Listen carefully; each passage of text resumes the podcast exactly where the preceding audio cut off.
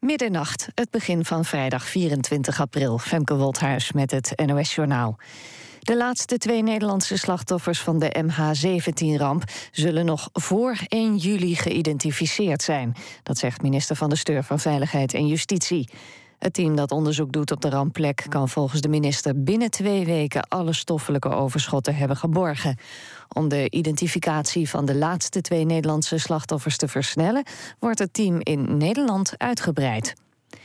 De Europese Unie gaat het budget voor de reddingsmissie op de Middellandse Zee verdrievoudigen in plaats van verdubbelen. Dat hebben de EU-regeringsleiders besloten.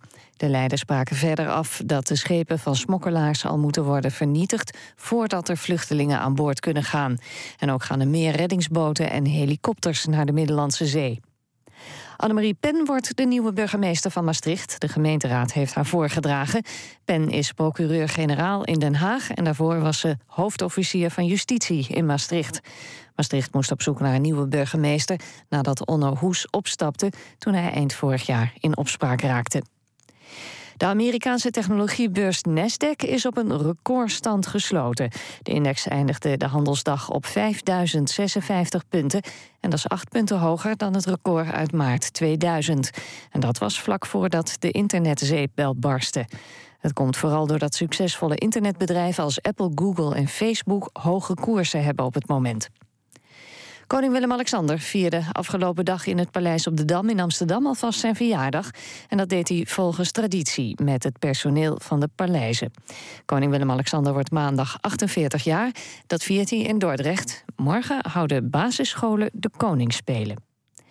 Het weer dan, misschien wat mist. Het is 3 tot 6 graden. Morgen eerst zon, later bewolkt en tegen de avond een bui.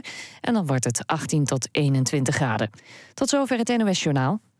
Verkeersinformatie dan. Op de A4 Delft richting Amsterdam staat tussen Zoeterwoude Rijndijk en Roelof Arendsveen 3 kilometer file. Dat was de verkeersinformatie. NPO Radio 1. VPRO. Nooit meer slapen.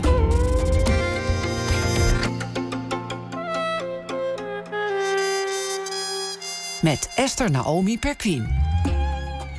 Goedenacht en welkom bij Nooit meer slapen. Ik vervang vannacht de door griep gevelde Pieter van der Wielen, dus u zult het even met mij moeten doen. Hoe zou Harry Mulisch over de verstripping van de aanslag hebben geoordeeld? Wij horen het na ene van weduwe Kitty Saal. En we spreken ook met tekenaar Hilan Hulsing, die zijn graphic novel op de romanklassieker baseerde en De Onderwaterzwemmer, zo heet het nieuwe boek van schrijver P.F. Tomezen. Een roman over de onherstelbaarheid van verlies en schuld daarover. Tomezen vertelt over de totstandkoming van dit boek. En dit uur te gast is documentaire en modefotograaf Ahmed Polat, die gisteren is benoemd tot de nieuwe fotograaf des vaderlands. Hij volgt daarmee Koen Hauser op als ambassadeur van de Nederlandse fotografie. Polat woonde de laatste jaren in Istanbul, maar begin dit jaar keerde hij terug naar Nederland. Zijn werk en zijn leven zijn nauw verbonden. Hij is vaak insider en buitenstaander tegelijk. Brabander, cosmopoliet, Nederlander en Turk. Onvermoeibaar beweegt hij tussen identiteiten, hokjes en scheidslijnen. Zijn werk hing in het Stedelijk Museum en Fotografiemuseum Foam in Amsterdam. En zijn foto's kun je tegenkomen in de New York Times, Vogue en Rolling Stone. Ahmed Polat, welkom. Ja, dank je. We hadden het net even over je baard. En hoe moeilijk het is om na tien jaar Istanbul een goede barbier te vinden in Nederland. Dat zijn de praktische dingen van het leven. Maar het is wel. Uh, ik heb meerdere kappers of barbiers geprobeerd. En uh, ik ben aan het zoeken, laat ik het zo zeggen. Ja. Nou, mocht zich gaandeweg iemand aan willen melden, dan is dat. Uh, het schijnt namelijk, ik weet het, dat het wel vaker voorkomt dat mannen met baarden enorm gelukkig zijn in Istanbul en dan terugkomen. En uh, de bittere realiteit tegemoet zien. Jij kwam terug na tien jaar en je werd gebeld terwijl je in de auto zat. Wil jij de fotograaf des vaderlands worden? Had jij direct een beeld wat dat inhield? Wist je waar dat over ging? Uh, nou ja, ik wist wel wat het was. En uh, ik, ik, ken het werk van Ilvi en Koenhausen natuurlijk. En, um, maar op dat moment denk je daar nog helemaal niet aan. Je zit, je zit alleen maar in de auto van... ik ben in mijn spullen, ik ben net hier. Wat is dit nu? Wauw, hoe kan dat nou? Het is uh, alsof je het van tevoren bedacht had. En, uh, maar dat is het dus niet. En uh, ja, dat maakt het alleen maar bijzonderder. Ja, ik, hartstikke leuk natuurlijk. ik zat echt zo even een sprongetje te maken terwijl ik aan de stuur zat. Maar daarna realiseerde ik me ook van... oh, nog vier maanden wachten. Nou, mag het tegen niemand zeggen. Je moest het geheim houden. Ik moest het, ja, ik moest het geheim houden. En natuurlijk, mijn vrouw zat naast mij, dus ik vertelde haar wel uh, wat er net aan de telefoon gebeurde. En uh, het was even een uitwisseling van blikken. Zo van, nou, wat ongelooflijk dat het nu gebeurt. En, uh, maar daarna gewoon stilletjes genieten. Jouw vrouw is Britse. Jij moest natuurlijk uitleggen wat het inhield. hebben, ze in, hebben ze daar zoiets als een photograph laureate? Uh, nee, ze is uh, Brits. Uh, ze is in Londen geboren, maar in Canada en Toronto opgegroeid. Natuurlijk hebben ze daar ook veel liefde voor de fotografie. Sowieso in Engeland. Um, ik, weet, ik heb zelf geen onderzoek gedaan of ze daar Photographer of the Nation of zoiets hebben. moet ik nog misschien nog even bekijken welke andere landen het nog meer hebben. Maar, maar ze begreep wel waar het over ging natuurlijk. Dus ja ja, ze is al, we zijn al tien jaar bij elkaar, dus ze weet wel een beetje waar, waar wat er allemaal speelt in de fotografie. Wat je met jou uh, in de auto uh, terug uit Istanbul kunt verwachten. Ja, ja nou, dat verwachten ze ook niet, maar uh, ja. ja. Het thema waar je mee te maken krijgt, want het is een initiatief van Fotoweek, ehm, is Kijk mijn straat. Ik dacht toen hebben wij eigenlijk wel in Nederland een straatcultuur. Want ik associeer het altijd met uh, heel lekker weer, veel buiten zijn. Terwijl Nederlanders toch over het algemeen, nou ja. Het is wel eens een keer dat, dat je met elkaar in het zonnetje gaat zitten. Maar echt een straatcultuur stel ik me iets anders bij voor.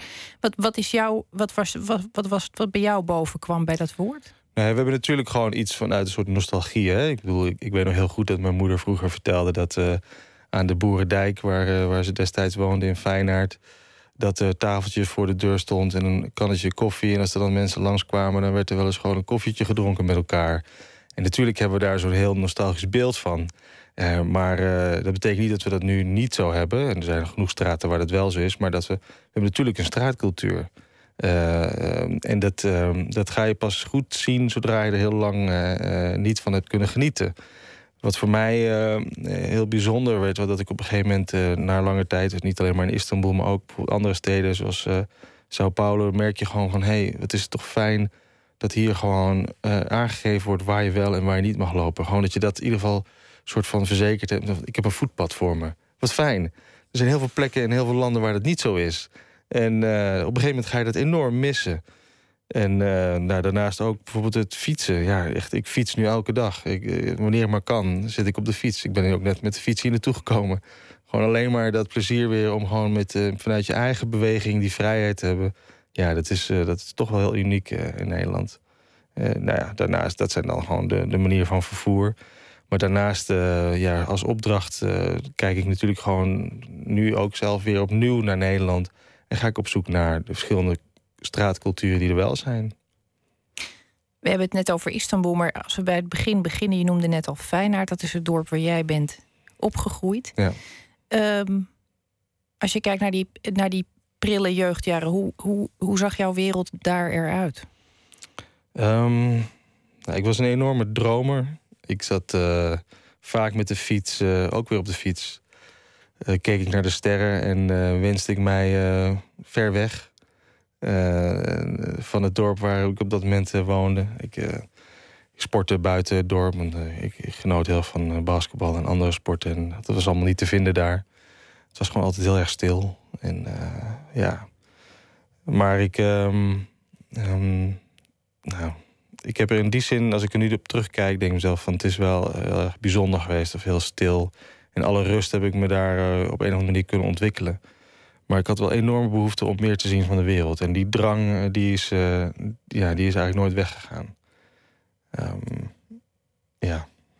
Wat zou je nog meer willen weten nou, over het dorp? Die, ik, ik vind het opmerkelijk dat je die drang zo jong had om weg te gaan. Want normaal, ik kan me voorstellen dat je opgroeit in de... Dit is, neem ik aan, een vrij kleine... Gemeenschap. Ja, het, klinkt ook heel uh, knus. Ja, nou, het was voor mij wat minder. Um, in die tijd, om het dan maar even in het uh, hele persoonlijke te gaan. In die tijd was het uh, voor, niet voor iedereen gewoon om een Turks-Nederlands iemand tegen te komen. En misschien zie ik er wel heel Nederlands uit. mensen zijn altijd verrast dat ik, als ik mijn naam noem. Of, of als ze mijn naam weten en ze zien me voor de eerste keer en ze zien me, dan denken ze van, oh, ben jij het? En dan spreek ik Nederlands en dan zeggen ze altijd van, wat spreek je netjes Nederlands? Ik zeg, ja, dat is iets, ja, dat leer je in Nederland, spreek je je Nederlands. Maar dat zijn gewoon dingen dat in zo'n klein dorpje, um, ja, het anders zijn is uh, niet een makkelijke rol. En dat zorgt er gewoon voor dat je daar al heel vroeg mee te maken krijgt. Uh, door ja, discriminatie. tegenwoordig noemen we dat bullying. Hè? En, maar dat zijn gewoon dingen die je al van heel jongs af aan al meemaakt. En dan denk je bij jezelf: ja, is dit nou alles? En dat, ja, dat was het dus voor mij niet. Ik had enorme ambities. Alleen uh, ik zat gewoon altijd op dat fietsje. Ik wist niet hoe ik daar uh, een vorm in moest vinden. het enige wat ik deed was tekenen. En dat heb ik eigenlijk vanaf kleins aan gedaan. Ik had nooit verwacht dat dat mij nu zover. dat ik daarmee zover zou komen als nu. Iedereen heeft een paar docenten of, of uh, meesters of juffen, het hangt er vanaf wanneer het gebeurt, uh, die cruciaal zijn. Bij jou was het juf Anja. Ja. En, en dat was. ja, je, je, dat is een mooie uitdrukking, vooral wordt gelijk helemaal zacht. Uh, vertel eens over juf Anja. Nou, ik, ik zeg, ik, ik was een enorme dromer. Ik zat heel erg in mezelf gekeerd. Maar ik observeerde de wereld om me heen. En uh, ik geloof dat ik in groep 2 zat en ik tekende altijd al. Dus ik was met tekenen bezig en zij herkende dat. En toen leerde zij mij om uh, gewoon iemands gezicht, een portret te maken van iemand. Een neus en ogen. En dat, dat, ik dacht van, oh wauw, dat kan je dus allemaal met een, met een, met een potlood. En eigenlijk door de jaren heen uh, ging ik van het, van het, van het papiertje naar het krijtbord ik weet nog heel goed dat uh, mijn moeder deed op woensdag altijd uh, op de basisschool de springplank, springplank in uh, deze meehelpen. En ik moest dan altijd even wachten op haar. Nou, dan nam ik het krijtje en dan begon ik ergens links in het hoekje van het schoolbord. Dan moet je je voorstellen, je bent maar een jaar of zes, zeven. Dus het is een gigantisch zwart, hè, zwart bord voor je neus. Dus ik begon links in het hoekje, maar ik eindigde ergens rechtsbovenin met hele landschappen en hele fantasiewerelden. En dan, ja, dan kwamen zij, uh, kwam mijn moeder me ophalen. En dan stond ze helemaal perplex te kijken van, wat heb je nou weer gedaan? Dus ja, dat zat er al heel vroeg in bij me. Wat was het dat je zo fascineerde aan het idee dat je met een aantal pennenstreken ineens een gezicht had? Want het is specifiek, ging het over portret tekenen. Ja, nou als ik nu terugkijk, ik, ik, heb altijd... Uh, heel erg naar mensen gekeken en uh, hoe ze zich uitdrukten, wat ze zeiden en of dat wel naar mijn idee klopte met wat, hoe, wat ik in hun zag. Dus um, het heeft ook een beetje te maken met het feit dat ik uh, vanaf heel jong ook reizen maakte met mijn vader en mijn moeder in, het begin uh, naar Turkije en mijn familie daar ontmoette. Maar zij spraken allemaal Turks en ik sprak helemaal geen Turks. En, dus ik observeerde alleen maar. Dus ik keek alleen maar naar hun uitdrukkingen. En hoe zij met elkaar communiceerden. En dat vond ik gewoon fascinerend. En eh, dat is iets wat ik. Ja, ik denk dat dat soort dingen gewoon heel bepalend zijn geweest. Gewoon voor de soort fotografie die ik nu doe. Of het soort werk wat ik maak. Of de manier waarop ik naar de wereld kijk. En ja, tekenen is daar het begin in geweest. En het heeft zich daarna ontwikkeld naar fotografie toe. Ik vind het wel mooi wat je zegt, dat je beschrijft hoe er naar jou gekeken werd als zijnde Turkse Nederlander, niet helemaal, hoort niet helemaal in het dorp, is toch een beetje anders. Terwijl jij je misschien niet zo voelde. Dus dat, het beeld wat mensen van jou maakten en hoe jij jezelf voelde, klopte niet met elkaar. En vervolgens ging jij portret tekenen omdat je dacht, ja, maar wat ik zie klopt ook niet met wat die persoon denkt dat hij is. Ja. Die, die, die, die breuk tussen de beleving en de werkelijkheid is blijkbaar daar ergens al heel diep gaan zitten. Dankzij juf Anja misschien, die dan de juiste gereedschappen aangaf. Maar het zat hem in je manier van kijken misschien. Ja, ik zag, ik werd al heel snel, uh, uh, ik kreeg een bijnaam als kind zijn, het professortje. Omdat ik vanaf, vanaf heel jong al uh, hele wijze vragen stelde over wat mensen aan het denken en aan het doen waren. of waarom ze dingen deden. En, uh, en daar was niet iedereen van gediend. En uh, ja, als kind zijn ben je gewoon heel open. En blijkbaar was ik toch heel sensitief. En wat ik al zei, ik noemde dat dan een dromer. Maar je, ja, ik, ik, merkte al heel snel gewoon dat... Het is... We hebben vaak een façade op. We zijn vaak met dingen bezig diep van binnen, waar we zelfs soms niet achter, eh, nog niet helemaal, niet helemaal niet bewust mee bezig zijn. Maar het speelt al een, een onderdeel daar. En op basis daarvan eh, maken we keuzes, zijn we met ons leven bezig, maken, doen we dingen. En ik merk gewoon altijd van ja, waarom doen we de dingen die we doen? Waar zit hem dat in? En dat zit hem toch altijd veel dieper. En ik merkte gewoon bij mezelf ook van. Ehm, er zijn heel veel dingen die, ehm, eh, die, die mij dwars zaten. En uh, een gedeelte daarvan had met mijn Turkse achtergrond te maken. En het, dat ik me niet, ik voelde me niet tevreden op mijn plek waar ik zat. En ik dacht van ik moet eraan werken om, om, om, om verder te komen in mijn leven. Gewoon persoonlijk. Dus ik was al heel snel heel erg met mezelf bezig om uitdagingen te, te stellen om mezelf te ontwikkelen. Want ik wou niet vast blijven zitten in gevoelens of in geschiedenis, in dingen die ik niet, die ik niet begreep binnen mezelf. Ik weet niet of dit een beetje duidelijk is, maar we gaan gelijk de diepte in vanavond. Ja. Was het, het, het speelde een rol buiten jullie gezin, hoe er gekeken werd. Wat was de rol van, want je hebt een Nederlandse moeder, een Turkse vader. Ja. Hoe was dat binnenshuis? Nou, mijn moeder was echt de, de, de speel van het gezin. Um, heel, ja, heel uh, vertrouwd, vol liefde, hardwerkend.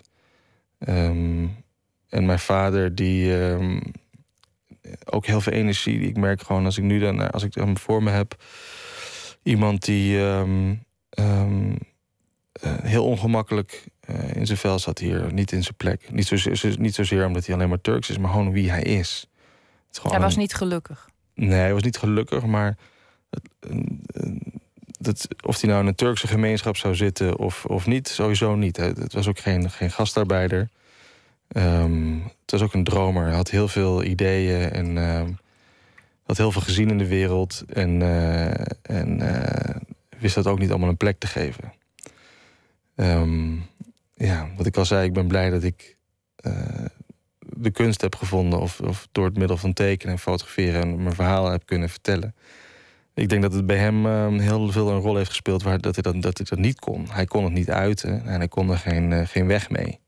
En er waren nog te veel dingen in zijn geschiedenis die, waar hij niet mee om kon gaan. En dat heeft hem uh, heel erg tegengehouden in het leven. En nog steeds eigenlijk. En mijn moeder, die, ja, die die komt uit Feyenoord, die komt uit het dorp. En die had een, goed, nou, een goed gezin. Die had gewoon goede ouders die haar bepaalde normen en waarden had geleerd. En zij ploegde gewoon door, letterlijk. En ja, die, die energie die heb, je ook mee, die heb ik ook meegekregen. ja. Dus um, hoe zou ik het anders moeten zeggen? Ze zijn allebei heel erg bepalend voor mij geweest, in ieder geval. Ja. In mijn leven. Dat ja. klinkt ook wel als een als een, als een combinatie van het, de energie van je moeder en het, en het, misplaatst voelen. Misschien is dat het bij je vader geweest. Zou je dat zo omschrijven? Misplaatst ja, hij voelde zich zeker uh, misplaatst en niet begrepen. En uh, het was een, enorm, het is een enorme charmante man. Met, uh, ik zou hem zo in een film casten. Echt. Het is, en, en zijn verhalen die hij altijd vertelde. Hij was zo'n goede verhalenverteller. Dat, dat herinner ik me ook altijd aan hem. Hij kon echt fantastische verhalen vertellen. En hij heeft ons ook heel veel meegenomen in, in ik weet nog heel goed dat mijn broertje en ik waren, ik geloof 12 en 14. En hij, uh, hij wou ons weer meenemen naar Turkije, toen maar deze keer met de auto. En uh, toen had hij een klein Volkswagentje Golf. Sorry, ik wijk, ik wijk misschien een beetje uit, maar het illustreert gewoon wie hij is.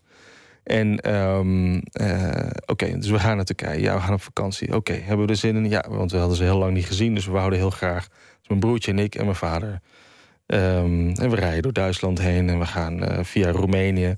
En ik zat voor in de auto en op een gegeven moment werd ik me bewust van het feit van... hé, hey, we gaan nu uh, de Balkan in. En uh, ja, ik was wel een beetje gewend aan te reizen... maar we hebben helemaal geen jerrycan bij ons met extra benzine of zo. Weet ik veel wat we straks tegenkomen. We gaan de bergen in. En ja hoor, we gingen in een of ander stadje in. Hij ging tanken en het zag er niet uit gewoon. En de wegen waren slecht, modder en van alles en nog wat... En wij er doorheen. Op een gegeven moment, de auto liep gewoon vast. De filters waren kapot, want de benzine was uh, aangelengd met water. En uh, we stonden gewoon midden in de bergen. In, uh, echt helemaal in the middle of nowhere. En we stonden gewoon vast. En ik was zo nerveus. En ik, ik, ik hield het gewoon niet meer. Ik liep gewoon, gewoon weg van de auto. Ik dacht bij mezelf van nou, we komen hier nooit meer weg. En mijn vader op een of andere manier, die was gewoon zo relaxed. Komt goed, komt helemaal goed. En op het moment dat hij dat zei Gewoon letterlijk kwam er een vrachtwagen achter onze auto, die stopte. Een man stapte uit, sprak mijn vader aan. Mijn vader sprak hem aan. Hij bleek dus ook Turks te zijn. En op een gegeven moment toen zei hij zo van, ken die en die? Zeg, ja, dat is mijn broer. Dat meen je niet. Nou, dan waren we bekenden van elkaar. En dus die, die man die zei, heb je hulp nodig? Nou, ging even kijken naar het filtertje. Nou, dat kan niet meer gemaakt worden. We nemen je wel mee. Moet je voorstellen, met een vrachtwagen, met een grote uh, wagen erachter. En daarachter met een kabeltje werden wij vastgebonden met de auto. En we moesten de hele tijd, echt ongelooflijk... Ik moest voor op het dashboard gaan zitten. Want die auto viel de hele tijd uit. En als die uitviel, kon hij niet meer remmen. Dus ik moest de hele tijd kijken of de remlichten het deden. Dus je moet je voorstellen, dus heel, heel, helemaal door Bulgarije heen... tot aan de Turkse grens zaten wij in die auto. En ik zat helemaal voor op dashboard. En uh, nou, toen kwamen we aan bij, die, bij, die, bij de Turkse grens. En uh, um, op een gegeven moment, uh, ja, die vrachtwagens moesten, moesten voor de douane wachten. En wij moesten door. Dus mijn broertje van 12 achter het stuur gezet. Zeg, jij moet sturen. En wij duwen de auto wel de grens over. Letterlijk gewoon zo op die manier de grens overgegaan. En, ja, en dan verder, hoe dan verder? staat daar gewoon een takelwagen. Die staat er gewoon voor, uit het niets, staat er gewoon te wachten.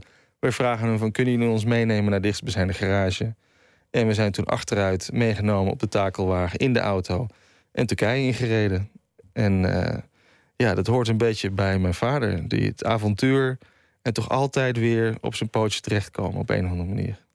Het is een prachtig eh, portret zoals je het schetst um, doet ook recht aan de man, denk ik. Ik wil daar straks heel graag meer over weten. Um, voor nu gaan we even luisteren naar een uh, stem die mooi bij de nacht past. Uh, een beetje een, een, bariton die ook jouw vader recht doet met alle warmte van dien. Het nummer heet Small Plane van Bill Callahan.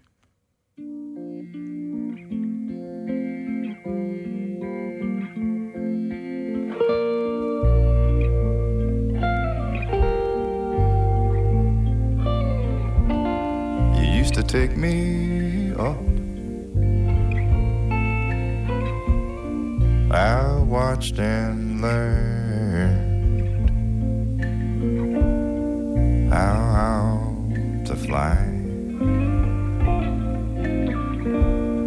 No navigation system beyond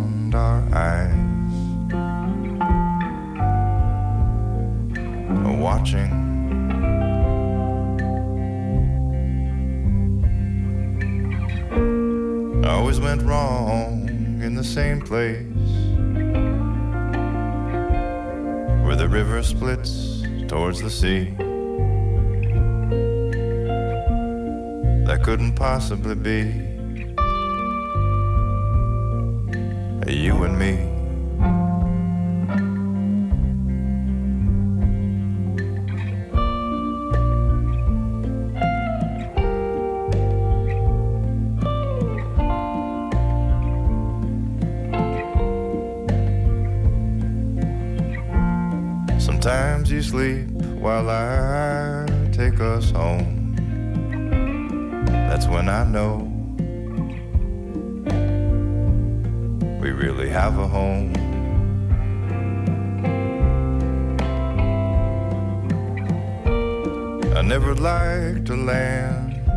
Getting back up seems impossibly grand. We do it with ease.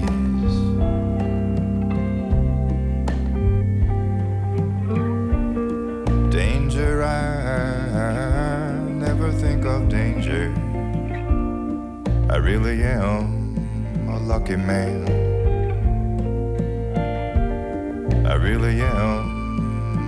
Man.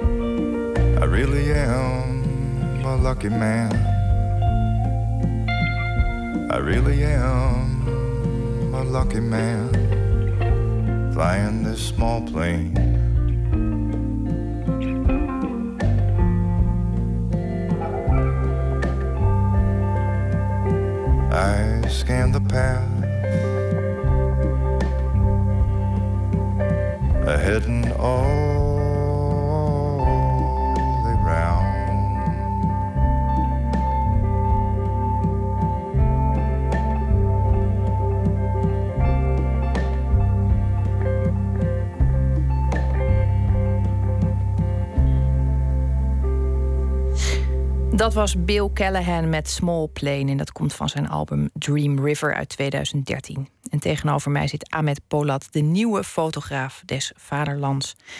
En we hadden het net even over jouw vader en, uh, en hoe alles altijd op zijn pootjes terecht kwam. Hij heeft je veel van de wereld laten zien, maar uh, van kunst wist jij heel weinig, heb ik begrepen. Ja. Was er een basis aanwezig toen jij uh, nou, je hebt de, de, op, de, op de HAVO, denk ik, zo'n beetje de keuze moeten gaan maken. Wat hierna? Ja, heel grappig. Ik heb natuurlijk gewoon enorm veel verschillende cultuur, ja, culturen gezien. Mijn vader nam ons, en dat bedoel ik niet alleen maar in landen, maar ook gewoon binnen een samenleving, verschillende lagen, bevolkingen, uh, lagen binnen de bevolking van, van een soort meer elitaire wereld. Mijn vader hield namelijk heel erg van de film. En die had gewoon heel veel filmvrienden in Istanbul. En uh, ik ben daar ook nog vaak uh, met hem uh, als kind bij op bezoek geweest. En die hadden gewoon letterlijk alle posters thuis hangen. En camera, cameramans, mensen kwamen langs. En het was echt een beetje een soort... Ja, de, de, de Istanbul film scene of kunstscene in die tijd. En um, daar ben ik me later pas bewust van geworden. Dat wist ik allemaal niet. Mijn vader dwong ons ook altijd... op een of andere hele vreemde manier zei dat van... je moet naar opera luisteren. Of dan had hij in de auto had hij jazz aanstaan. En had hij uh, muziek aanstaan. Dat ik dacht aan mezelf: nou, wat is dit nou weer? En, uh, maar dat, dat was mijn vader. En hij had altijd een wereldbol thuis. En dan liet hij mij gewoon heel veel dingen zien over de wereld. En dan vertelde hij de verhalen over waar hij helemaal geweest was. En over Saudi-Arabië en Portugal en Rusland en dit en dat. En nou ja, goed, van alles en nog wat. En mijn moeder was uh, daar tegenover. Die was dus heel.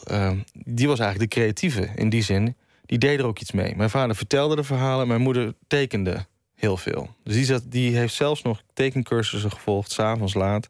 Na het werken wat ze allemaal deed, was ze toch iets met de creativiteit uh, doen. Ik heb er nog lang uh, zien zitten, s'avonds uh, in de schemering... Onder een lampje met een inkpennetje... en de anatomie van de mens na te proberen doen. En ik zat dan overdag soms door die boekjes te bladeren. Zo van, oh, dus zo teken je een lichaam, zo teken je een arm. Helemaal niet eh, dat ik dat uh, ambieerde of zo. Ik had het helemaal niet bewust door. Um, maar op de, op de, op de HAVO, uh, ik deed HAVO-VWO, Nobertus College, Sint-Joost in, in Roosendaal. En um, ik ging gewoon, net zoals iedereen, een studie volgen met een beetje algemene vakken. Ik had geschiedenis en, ik, en, maatschappijleer en, en, de talen natuurlijk. En, en, geschiedenis vond ik geweldig. En, Dumaré heette hij, Belgische docent. En ook een inspirerende spreker. En uh, nou, die opende mijn ogen ook voor wat de geschiedenis en hoe, hoe subjectief het allemaal wel niet is. De overwinnaar schrijft altijd uh, uh, hoe het gegaan is. Dat, dat is me zo, heeft me zo bijgebleven altijd. en op een of andere manier um, inspireerden al die kleine dingetjes er, die, die, ja, die vormden mij op een of andere manier. En ik, ik, ik tekende nog steeds. En uh, het, nou, het moet maar weer zo zijn geweest. Tijdens mijn uh, laatste jaar, tijdens de, de, de, de CITO-toetsen, de toetsweken... Um, ik verveelde me weer zoals altijd. Want ik deed altijd net, net genoeg om maar die klas te, te de, de, de, examens te maken. Want ik... Waarom een negen als je ook met een zes... Uh... Ja, die mentaliteit had ik ook al een beetje door. Zo van, ja, ik, aan bepaalde vakken was ik echt geïnteresseerd. Engels en Nederlands en geschiedenis andere dingen. En dacht, ja, wat ga ik ermee doen? Wat ga ik überhaupt doen? Wat weet je nou als kind van 16, 17 jaar? Wat je eigenlijk gaat doen? Dat weet je helemaal niet. Um, uh, en, maar ik zat gewoon weer te, te, doedelen, uh, zoals ik dat altijd deed. En er zat dus iemand van, geloof ik, van de Stem destijds. Of van het Brabants Nieuwsblad, dan weet ik het even niet. En die zat te kijken en die zat gewoon naar mijn, naar mijn uh, toetsenschriftjes te kijken. En zei, wat ben je eigenlijk aan het doen? Ik zeg, nou, ik ben een toets aan het maken. Ik zeg, nee, nee, wat is dat dan? Oh, dat doe ik altijd, zei ik zo. Ik tekende overal op en er zaten allemaal weer portretjes en dingetjes op. En toen zei ze van, heb je daar meer van? Toen zei ik van, ja, ik heb heel veel van dit soort tekeningen. Dus ik bladerde er zo doorheen. En toen heeft hij gezegd van, mag ik deze gebruiken in de krant? Toen zei ik van, nou, oh, ja? Zijn ze, zijn ze goed dan, of zo? Ja, dat ziet er hartstikke leuk uit. Dus uh, hij nam dat mee en uh, er zijn uh, zes, zeven keer zijn ze gepubliceerd tijdens de toetsenweken. En ehm, tijdens die toetsenweek kwam ik er ook achter van... hé, hey, ik, ik moet hier iets mee gaan doen. En toen kwam een of andere docent bij mij die zei van... heb je wel eens nagedacht over een kunstacademie? Ik zei, een kunstacademie? Kan dat? Kan je dit studeren? En toen, uh, toen, Had je daar echt geen idee van? Nee, helemaal dat, dat er zoiets bestond als een kunstacademie? Nee, ja, maar aan de ene kant, dat is dus grappig. Mijn vader zegt aan de ene kant van... Uh, luister hier naar, luister naar deze muziek, kijk naar deze films. En aan de andere kant zegt hij van... maar je moet wel uh, advocaat of dokter worden. Weet je wel, dat, is, dat heeft hij ook meegekregen. Dus ik snap het wel. Een soort automatisme. En mijn moeder zei altijd van, volg je hart. Die dwong ook nooit mij om er, om er iets mee te gaan doen... met, met, met, met tekenen of met kunst of wat dan ook.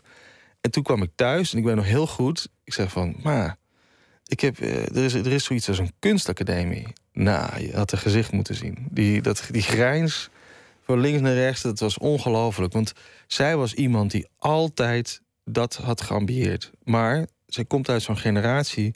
Vrouwen hoeven niet naar school, want die gaan uh, moeder worden. Dus doe maar een huishoudschool. En daarna, als je kinderen hebt, hè, dan komt het allemaal op zijn plek terecht. Maar in haar hart had zij heel ja, die creativiteit kwijt willen. Had ze er iets mee willen doen. En ja, dat gebeurde in die tijd gewoon niet. In de dorpjes in de jaren 60, 70 was het ook allemaal niet zo vrij. Hè, als nu. Dus, uh, maar ze was zo gelukkig toen ik dat zei. En zei ik van ja, maar nu moet ik het toelatingsexamen gaan doen. Dus ik weet helemaal niet hoe ik dat ga doen. Ik heb nog wel wat tekeningen. Ik douw ze bij elkaar en ik, ik schrijf me in. En uh, nou, op die manier uh, heb ik me ingeschreven bij één kunstacademie. En die zat in Breda, Sint-Joost. En ik was toen uh, 17 jaar. En, en, ik weet nog heel goed dat ik daar naartoe ging met een heel klein mapje. En toen zag ik gewoon echt. Ik weet, nou ja, ik was natuurlijk, ik was wel wat gewend, maar hoe de, hoe de creatieven eruit zagen. Het waren allemaal of hippies of rockers. En heel erg uitgesproken karakters, lang haar. Uh, niet zozeer piercings, maar gewoon weet je, de kledij die ze aan hadden. En ik kwam daar gewoon heel met mijn doodgewone kloffie aan. En ik zei van, nou, dit, dit gaat het nooit worden. dus ja. Die groepen waren altijd heel strikt onderscheiden. Hè? Je had alternatievelingen, die hadden dan ook, die moesten dan allemaal per se bijvoorbeeld groen haar hebben. Ik vond dat ook altijd heel merkwaardig. Dat, ja. dat, dan mocht je alleen alternatief zijn als je precies zo alternatief was als zij. En zo'n sfeertje op een kunstacademie kan ik me helemaal voorstellen. Dat je met grote ogen. Ja. En toen bleek ook nog eens dat je helemaal niet zo goed kon tekenen als je had gehoopt. Ja, er was één docent die heeft het, uh, het genot van het tekenen heeft hij er heel snel uitgekregen. Die, uh, die had iets tegen mij, dacht ik destijds. Ik heb het hem nooit meer gevraagd. Dominique Ampen, ik weet zijn voor- en zijn achternaam nog. Uh, heb ik trauma's van overgehouden. Maar deze man die, die, die, die, kon die keurde niks goed wat ik maakte. Die had gewoon overal een opmerking over. Moesten, ik weet nog heel goed, 30 voorwerpen die eruit zagen als een cirkel. Dus ik dacht van nou als je een glas van bovenaf bekijkt, zo'n beetje schuin, ziet het eruit als een cirkel. Nee, ik tekende dat, maar hij vond het niet goed. En zo ging het maar in één stuk door. Hij vond alles wat ik deed, vond, vond hij slecht. En hij was heel erg gericht op vorm en een bepaalde esthetiek. Terwijl ik heel veel dingen vanuit gevoel probeerde te doen. En dan moet je voorstellen, tekenen was voor mij uh, mijn, mijn, mijn, mijn eigen vrije wereld. Het was de wereld waar ik uh, in verdween als het om me heen te zwaar werd of te moeilijk werd. Het was de wereld waar ik uh, een plekje had voor mezelf. En dat heb ik jarenlang gekoesterd. En op dat moment werd dat helemaal verwoest. Het was zo, ja, dat weet ik zo, dat kan ik nu nog steeds voelen.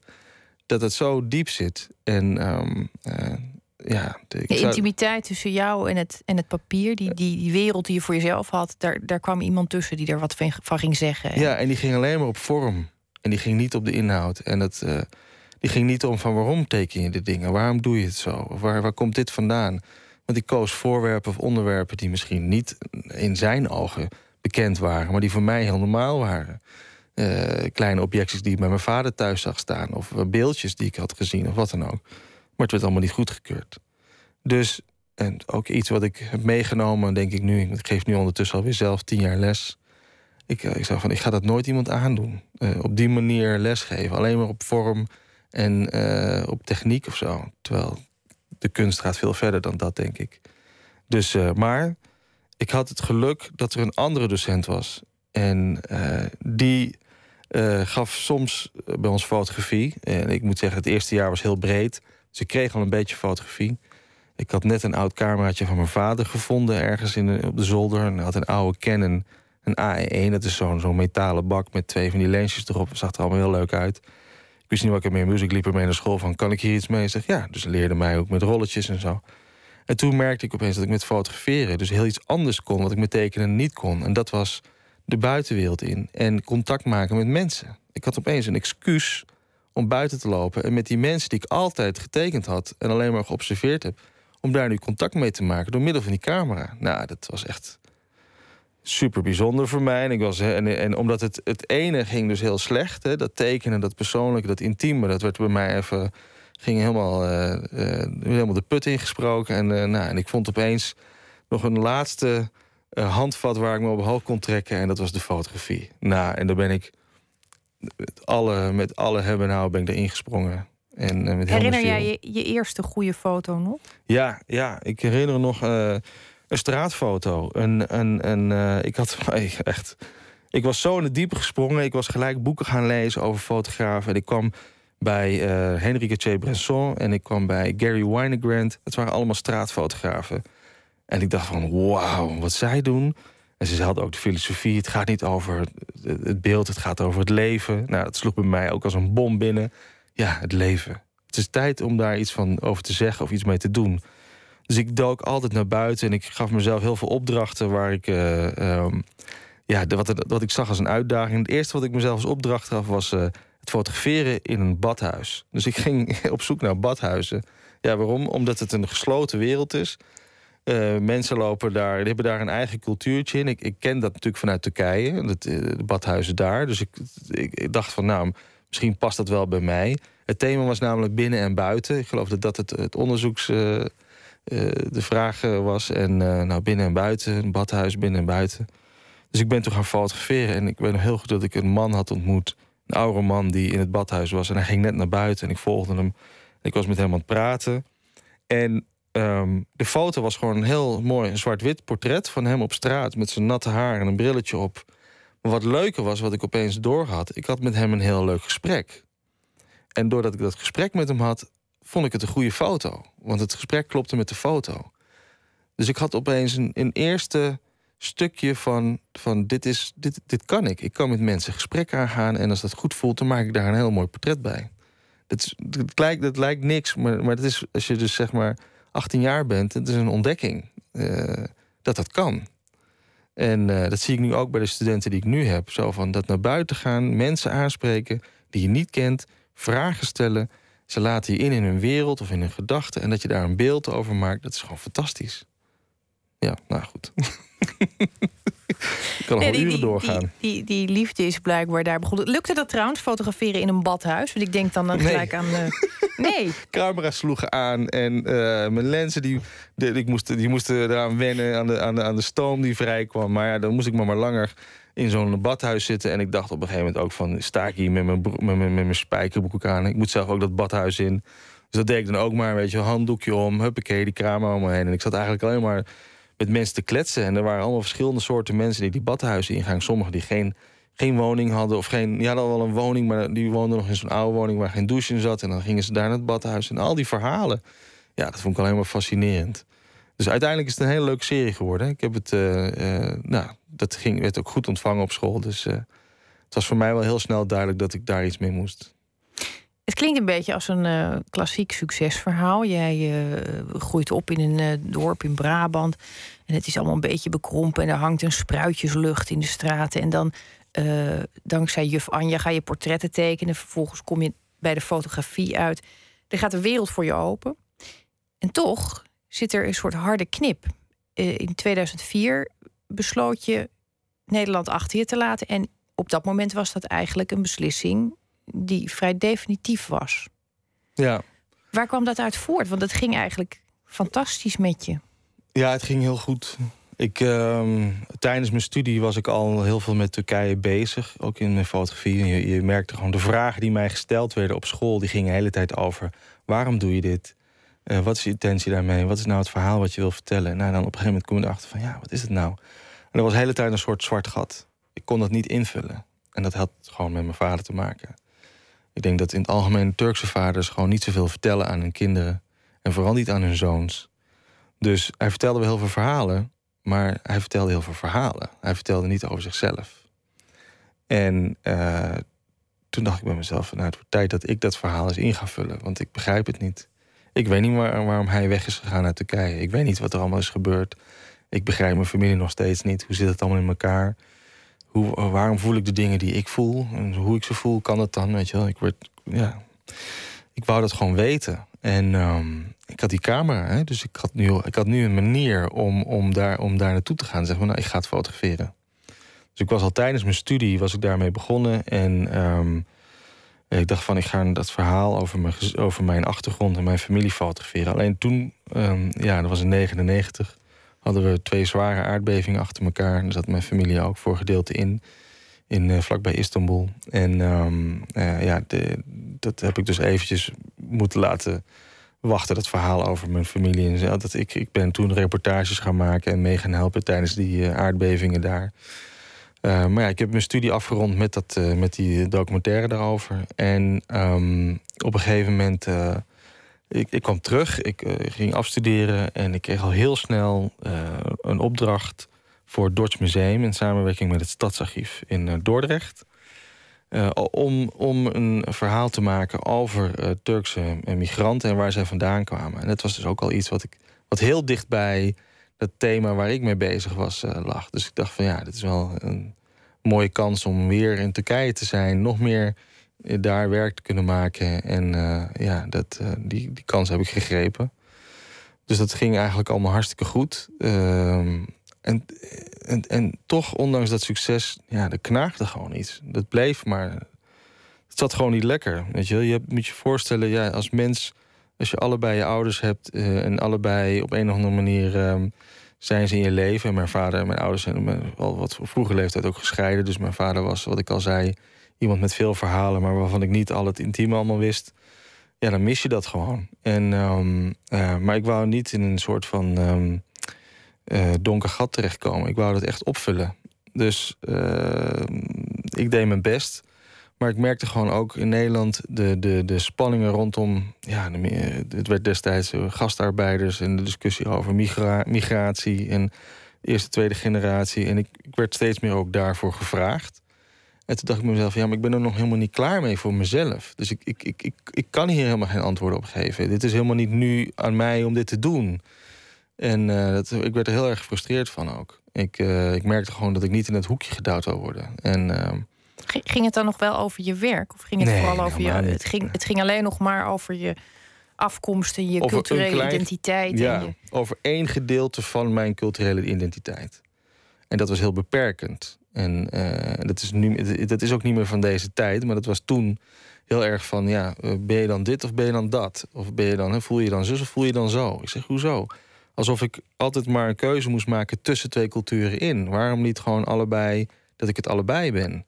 Maar dat, ik kon dat op dat moment um, niet voor mezelf. Uh, ook, ik kon me daar ook niet in verdedigen, want ik had het zelf nog niet op zijn plek. Dat is ook iets wat ik zie bij heel veel jongeren die daarmee worstelen. Uh, die moeten gewoon al zo snel antwoorden vinden op iets wat ze zelf nog niet begrijpen. Um, en dat doet alleen maar heel veel zeer, weet je wel. En als je daar blijft duwen op dat pijnlijke plekje van. Dus je begrijpt je eigen cultuur niet, maar je moet wel een keuze maken dat, daar, gaan mensen gaan daarop, uh, gaan daarop uh, reageren. En uh, vanuit die pijn reageert je ook met pijn. Dus je wil ook van hou op, weet je wel, met die vragen. ga weg. Dus ik had zoiets van, nou, dat wil ik niet. Ik ga, ik ga naar Turkije toe nu. Ik ben er klaar mee nu hier. Ik moet gewoon naar Turkije toe. Want ik wil gewoon daar, vanuit het land daar, wil ik dat gewoon beter leren begrijpen. Dus in 2004 ja, heb ik gewoon um, ook heel grappig ik had een, een, een, een Opel station wagon. Ik heb mijn spullen gepakt. Ik heb ze in de achterbak gegooid. En, een vriendin van mij die, die wou nog een stukje meerijden. Ik ben er zelfs nog gaan snowboarden in, uh, in Oostenrijk tussendoor. Want daar hield ik ook nog wel van. En ik ben gewoon doorgereden naar Turkije. En ik ben gewoon verhuisd. Ja. Net zoals mijn vader die die reis heeft gemaakt van Turkije naar Nederland, heb ik hem andersom, andersom gemaakt uh, Omdat, omdat hij jou niet kon vertellen over, over wat die reis persoonlijk voor hem was, heb jij die reis in omgekeerde beweging? Ben je die zelf gaan maken? Ja, ja. Is eigenlijk een, eh, een, een hele goede oplossing van je. Ik wil uh, straks heel graag weten wat er in uh, Istanbul met jouw camera gebeurde. Dus bouwen even een, een cliffhanger in. Um, want dit, dit, schreeuwt natuurlijk om een beetje soul, dit verhaal. binnenkort verschijnt een nieuw album van de Britse soulzangeres Andrea Triana, haar tweede. En um, Giants gaat die plaat heten. En daarop staat dit nummer, That's All Right With Me.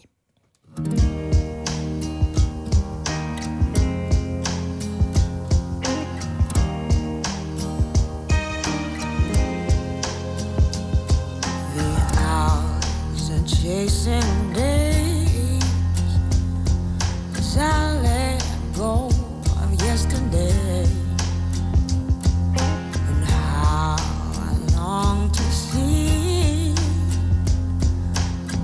This life.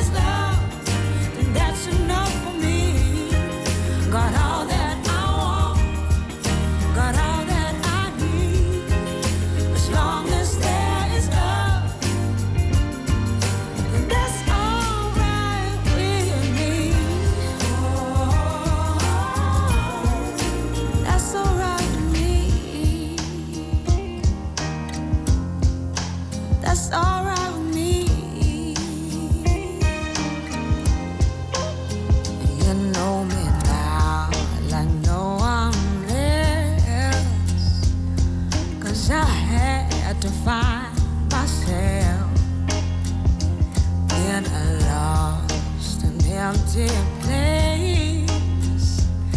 You kissed away my darkest days.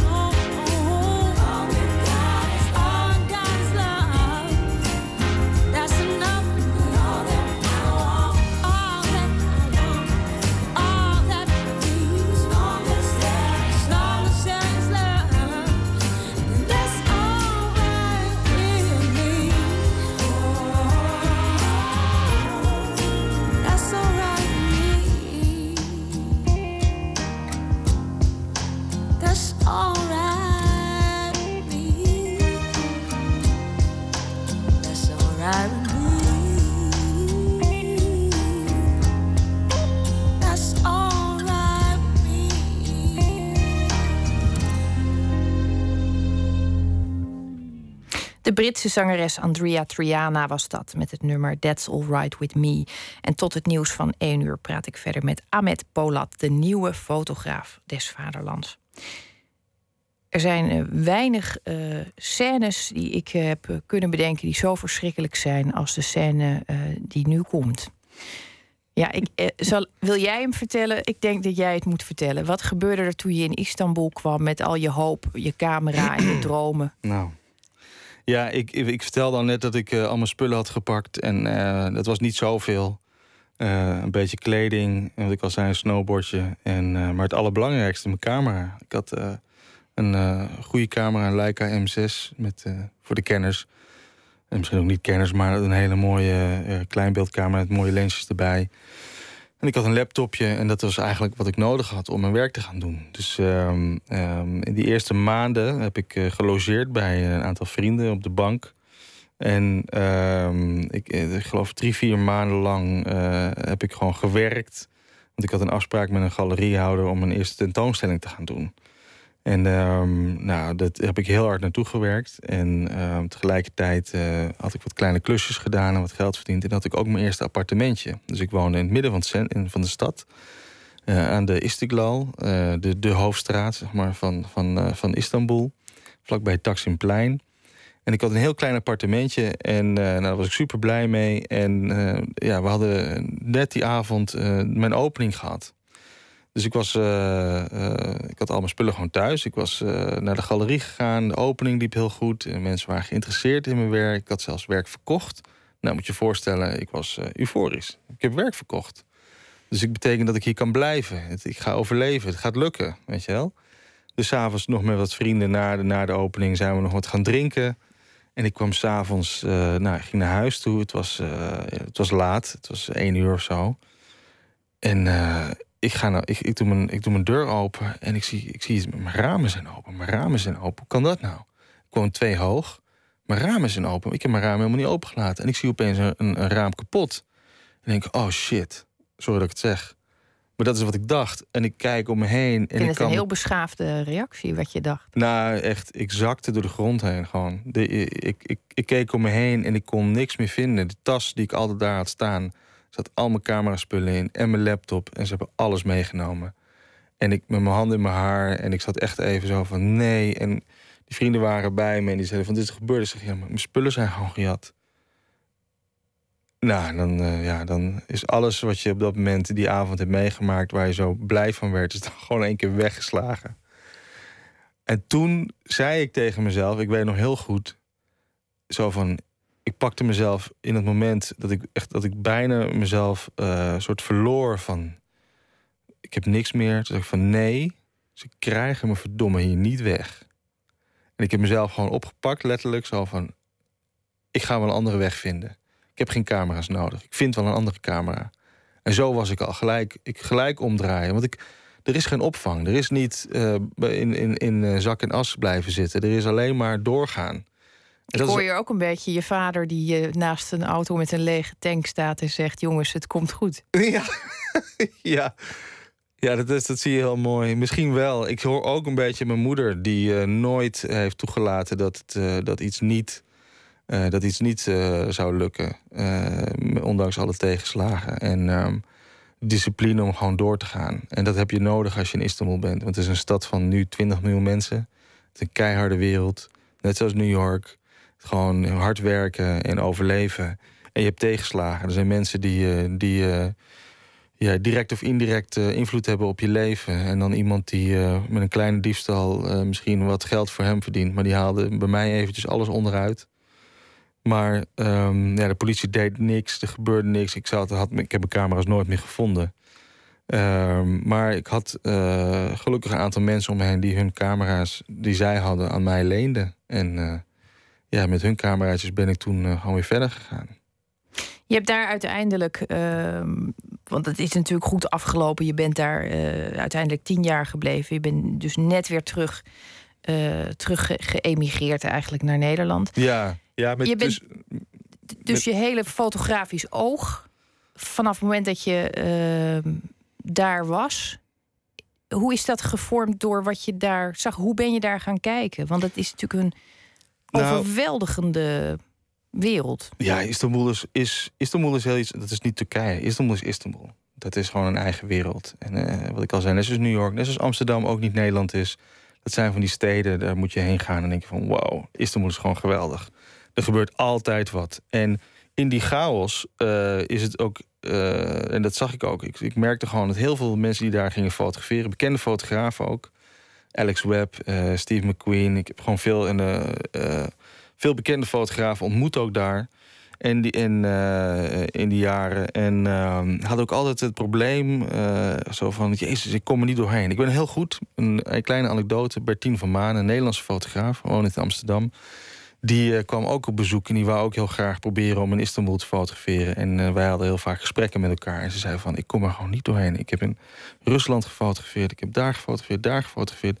En ik begreep het, maar hier begrijp ik het gewoon niet. Die chaos van de stad hier, ze kwamen niet doorheen. En ik begreep wel heel erg goed wat ze bedoelden. Want het is een, die stad die neemt je mee en die sleurt je mee in hun stroom. En je hebt er, je bijna geen, geen, geen je overleeft het gewoon bijna niet soms. Het is een heel mooi voor drie weken, maar wil je daar wonen en wil je daar overleven, is het een heel ander verhaal.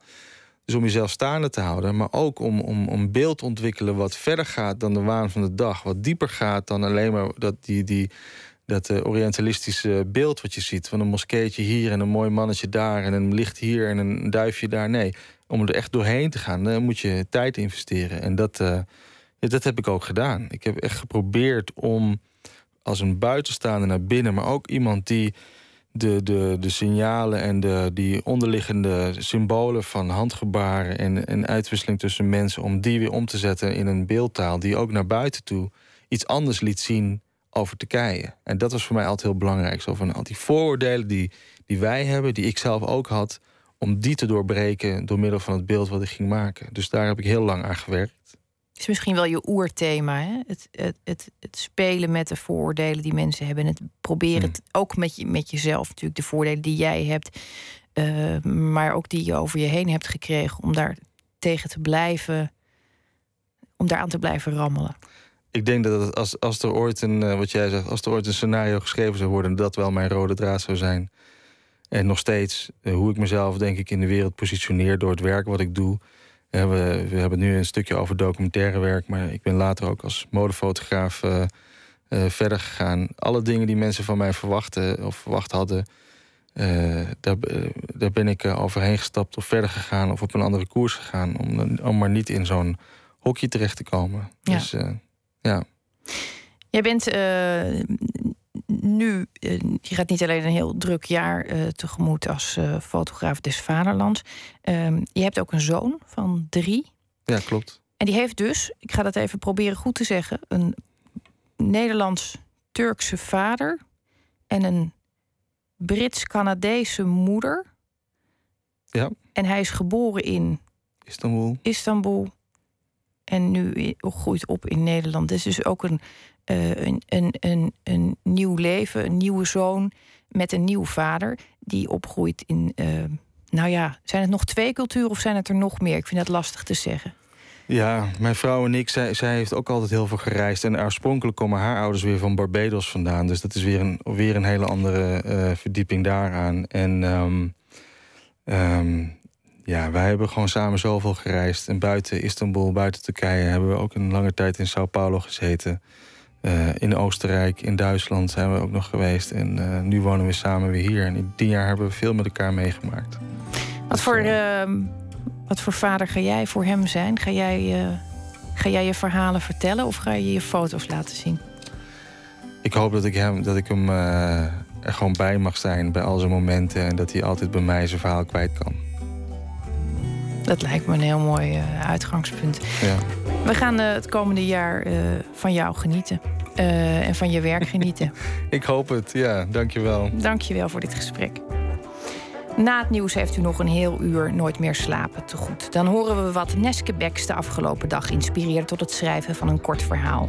En we berichten over een onderzoek naar het gebruik van emojis op smartphones. De smiley is nog steeds het populairst, maar wat moet je toch met die aubergine? Dat en meer na het nieuws van 1 uur.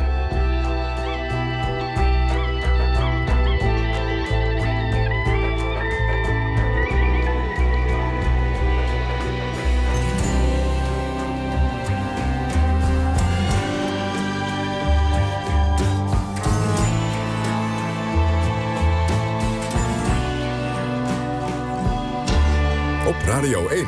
Het nieuws van alle kanten.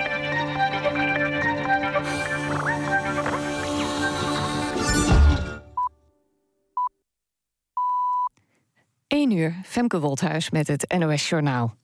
De Tweede Kamer wil dat de plannen voor het boren van gas bij Terschelling voorlopig worden stopgezet. De politici, politici vragen minister Kamp om de vergunningsaanvraag van Tulip Oil te bevriezen.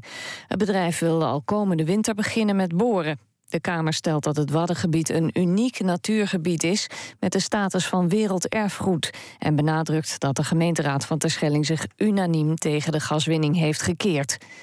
De Duitse president Gauck heeft het Armeense bloedbad van 100 jaar geleden genocide genoemd. Dat deed hij in zijn toespraak ter gelegenheid van de herdenking in Berlijn. Duitsland was tot nu toe behoedzaam vanwege de handelsrelatie met Turkije en de grote Turkse gemeenschap in het land. Hij zei dat Duitsland zich moet afvragen of ze niet mede verantwoordelijk zijn voor de moord op de Armeniërs. Duitsland was in de tijd bondgenoot van het Ottomaanse Rijk. De laatste twee Nederlandse slachtoffers van de ramp met de MH17 zullen nog voor 1 juli geïdentificeerd zijn, zegt minister van de Steur van Veiligheid en Justitie. Het team dat onderzoek doet op de rampplek kan volgens de minister binnen twee weken alle stoffelijke overschotten hebben geborgen. Om de identificatie van de laatste twee Nederlandse slachtoffers te versnellen, wordt het team in Nederland uitgebreid. De Belgische aartsbisschop André Leonard moet een man die jarenlang door een priester werd misbruikt 10.000 euro schadevergoeding betalen. Volgens de rechter heeft de aartsbisschop van Mechelen-Brussel in 1991 te weinig gedaan met de klachten van het slachtoffer. Die werd vier jaar lang verkracht door een priester uit de Belgische provincie Luxemburg. Het Hof in Luik oordeelt nu een hoger beroep dat de aartsbisschop destijds de ernst van het misbruik heeft onderschat. Het weer, misschien wat mist. Het is 3 tot 6 graden. Morgen eerst zon, later bewolkt en tegen de avond een bui. Het wordt 18 tot 21 graden. Tot zover het NOS-journaal. Verkeersinformatie. De A2 richting uh, Maastricht richting Eindhoven tussen Rooster en Echt. Daar is de weg dicht. Daar staat een vrachtwagen in brand. Dit was de verkeersinformatie. NPO Radio 1. VPRO. Meer slapen.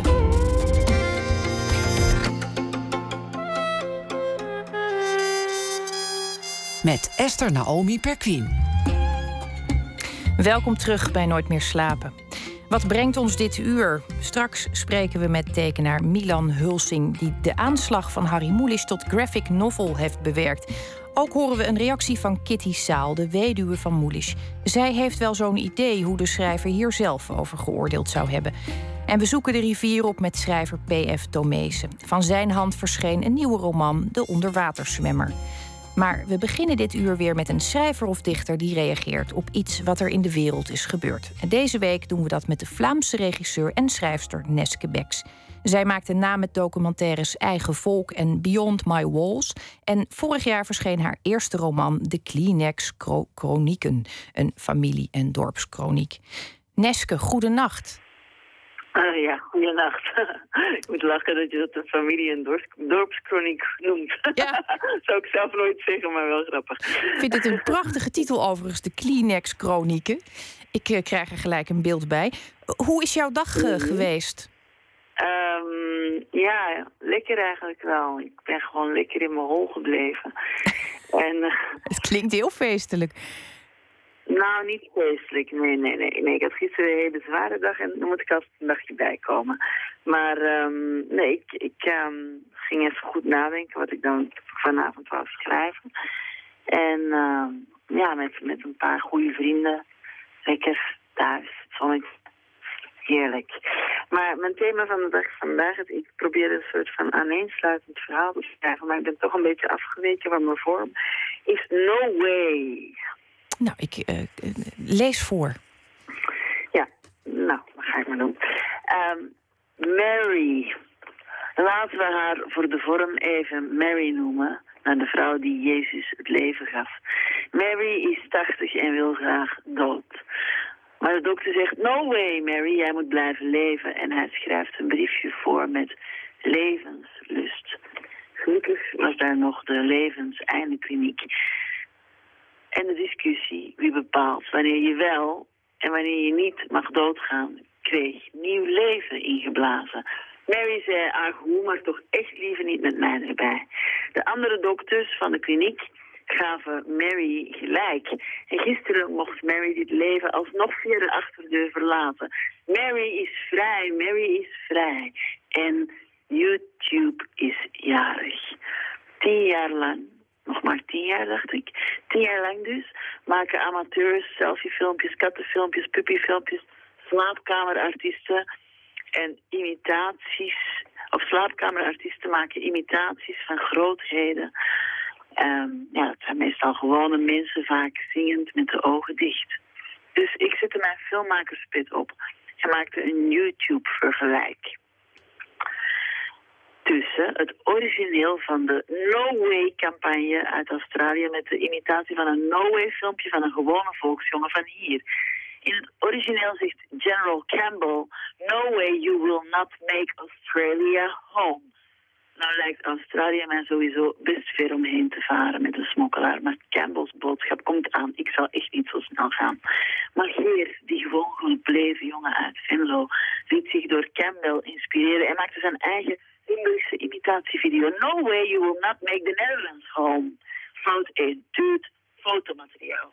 Vier seconden precies gebruikt Geert hetzelfde beeld uit de originele clip. Maar de vijfde seconde zakt de resolutie in wordt de Australische zee vaag en de rode letters flats. Nou, twee. Tuut, de lengte. Echt veel te lang gezet. Campbell's film duurt één minuut. Geert zijn imitatie duurt, duurt tweeënhalf keer zo lang qua tijd. Maar met een gemiddelde YouTube-spanningsboog ben ik halverwege al afgeleid. Vrouw 3. De dresscode. Geen uitleg, kijk zelf maar. Legeruniform versus gele das gele stropdas. Dat is zo 2003. En echt 0,0 autoriteit. Fout 4. Beginnersfout. Perspectief. Campbell zegt you, jij, don't you believe them. Ik voel me rechtstreeks aangesproken. Geert komt met zij en wij, hen en ons. En oeh, Geert zwaait met een vingertje. No go. Conclusie, gelukkig is Geert een politicus en geen YouTube slaapkamerartiest. Wordt vervolgd. Neske, dank je wel voor deze... Ja, wat is het? Een, een, een compilatie en een compositie? ja, ik ben een beetje van mijn vorm afgeweken, zei ik al. Nou, het, is, het levert uh, intrigerende vorm op in ieder geval. Kijken of ik morgen weer op het rechte pad terugkom.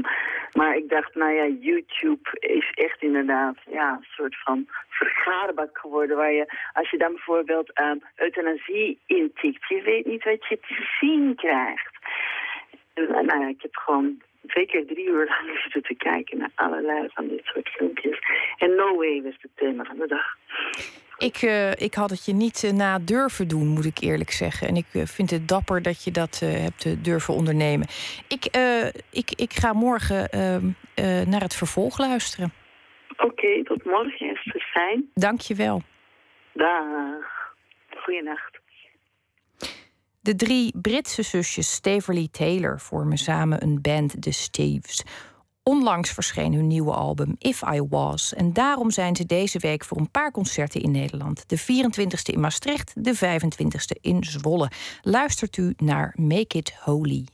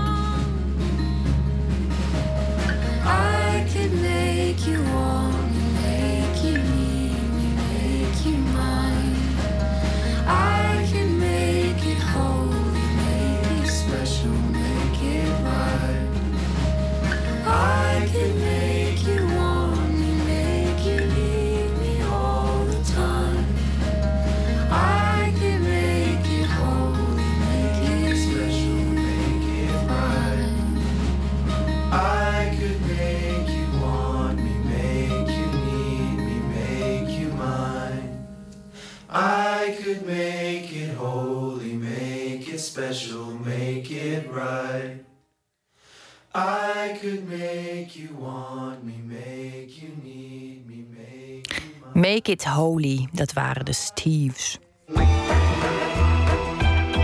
Nooit meer slapen. In 1982 verscheen De Aanslag van Harry Mulisch. Vier jaar later werd de roman verfilmd door Fons Rademakers. En nu verschijnt er dan ook een graphic novel, gebaseerd op deze klassieker. Anton de Goede zocht tekenaar Milan Hulsing op. En hij ging langs bij Kitty Saal, de weduwe van Harry Mulisch. Hoe zou de schrijver zelf over deze verstripping hebben geoordeeld?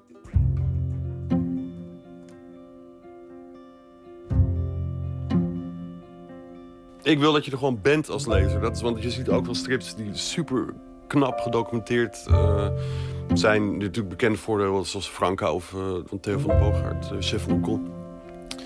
Maar ja, kijk, dan tekenen ze een straat in Amsterdam. En dan tekenen ze ook nog wel het vuil op de straat. Maar zelfs het vuil is schoon, weet je. Het is allemaal clean. Dus je, je bent er niet. En dat is ook hun bedoeling helemaal niet. Want ze willen een avontuur vertellen van grap uitspelen. Maar in mijn geval wil ik dat je er gewoon bent samen met de hoofdpersoon. Dus daarom maak ik er een ja, ander soort zintuigelijke ervaring van. Milan Hulsing, striptekenaar met een flinke staat van dienst... die nu de aanslag heeft verbeeld. Moelies bestseller over Anton Steenwijk... die als jongetje tijdens de Duitse bezetting zijn ouders en zijn broer verliest... nadat Paul voor de deur een aanslag wordt gepleegd... op een collaborerende politieagent. Het is niet een heel gedocumenteerd boek, dus ik heb, ik heb heel veel vanuit de expressie gewerkt. Van Haarlem, hoe, natuurlijk ben ik er heel vaak geweest, maar hoe, hoe voelt dat voor mij? Dus als je zo vanuit Amsterdam met die trein Haarlem binnenrijdt... en dat, dat fantastische punt waar, waarop je die molen ziet... en het water wat zich in tweeën splitst en die gevangenis die daar staat... dus dat doe ik dan gewoon als een... Ja, meer als een kunstenaar eigenlijk dan, dan iemand die dat gaat zitten reconstrueren. Zoals je dat in strip ook heel vaak ziet. Waar ik ook van hou, maar in dit geval wilde ik dat niet. Uh, dus dan achteraf, toen ik laatst op dat stukje reed, dacht ik ook... oh mijn god, die gevangenis is aan de andere kant van het, uh, van het water. Dus daar gaan collega's me over mailen. Wat ook al gebeurd is. Tijdens een jarenlang verblijf in het buitenland... realiseerde hij zich hoe erg hij Nederland miste. Ja, dat, dat rare ijle licht wat je hele delen van het jaar hebt hier... van die laaghangende zon... En die, die gigantische wolkenluchten. En ja, dat is waar ik toen echt iets mee wilde doen. Nou ja, je bent hier nu bij mij thuis, ook als je hier naar buiten kijkt... dan zie je eigenlijk gewoon zo'n rijtje huizen als in de aanslag. Waarvan er eentje ook nog buitenrust heet. Zoals het, het, het huis van Anton in het boek. Uh, dus het was voor mij een heerlijke manier ook, weet je wel. Ik, ik fiets heel veel en dus als ik voortdurend te kijken van... hoe zitten die bladeren daar tegen die achtergrond van die wolken... en wat dwarrelt daar in godsnaam door de lucht aan zaden of weet ik het. En dat soort hele Hollandse dingen had ik ontzettend zin in om, om te doen. En dus ook in mijn eigen ja, uh, kinderjaren die herinnering daaraan uh, graven. Ja, want jouw kinderjaren zat je in Amsterdam. Ja, klopt. Dus nu kijken we toevallig naar een scène van een, een begrafenis van een, iemand die in een verzetsheld, waardoor er een hele kerk vol zit met, met uh, inmiddels op leeftijd zijnde ver, ver, verzetsmensen. Ja, daar heb ik gewoon Holy Sloot voor genomen. Want zo wordt het ongeveer ook wel beschreven in, in de aanslag. Dus dat kan heel goed Holy Sloot zijn. Een dorpje vlakbij Amsterdam. Dus dit is ongeveer uit, uit mijn uh, geheugen dan hoor. Het kerkje van Holy Sloot en het begraafplaatsje. En, uh, waar ik dan als kind altijd heen fietste om daar te gaan roeien.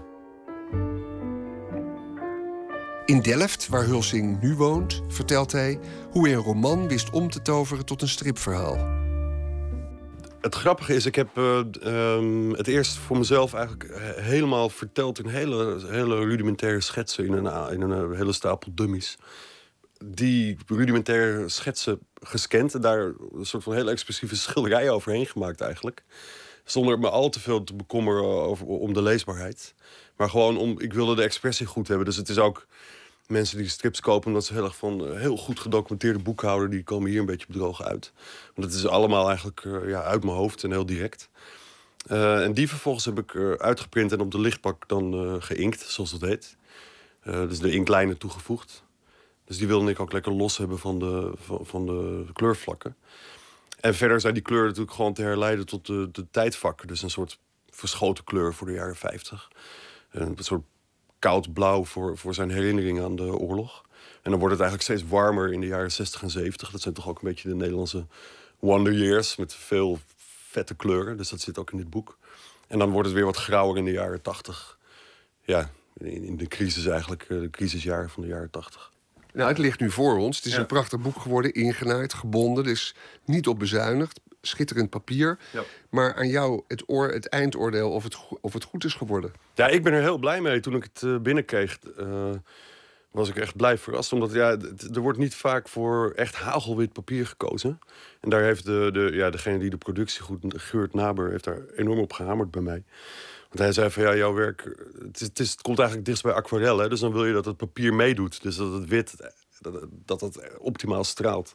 Dus het is echt knalwit papier, waardoor eh, ja, alle kleuren er echt van afstralen van de pagina.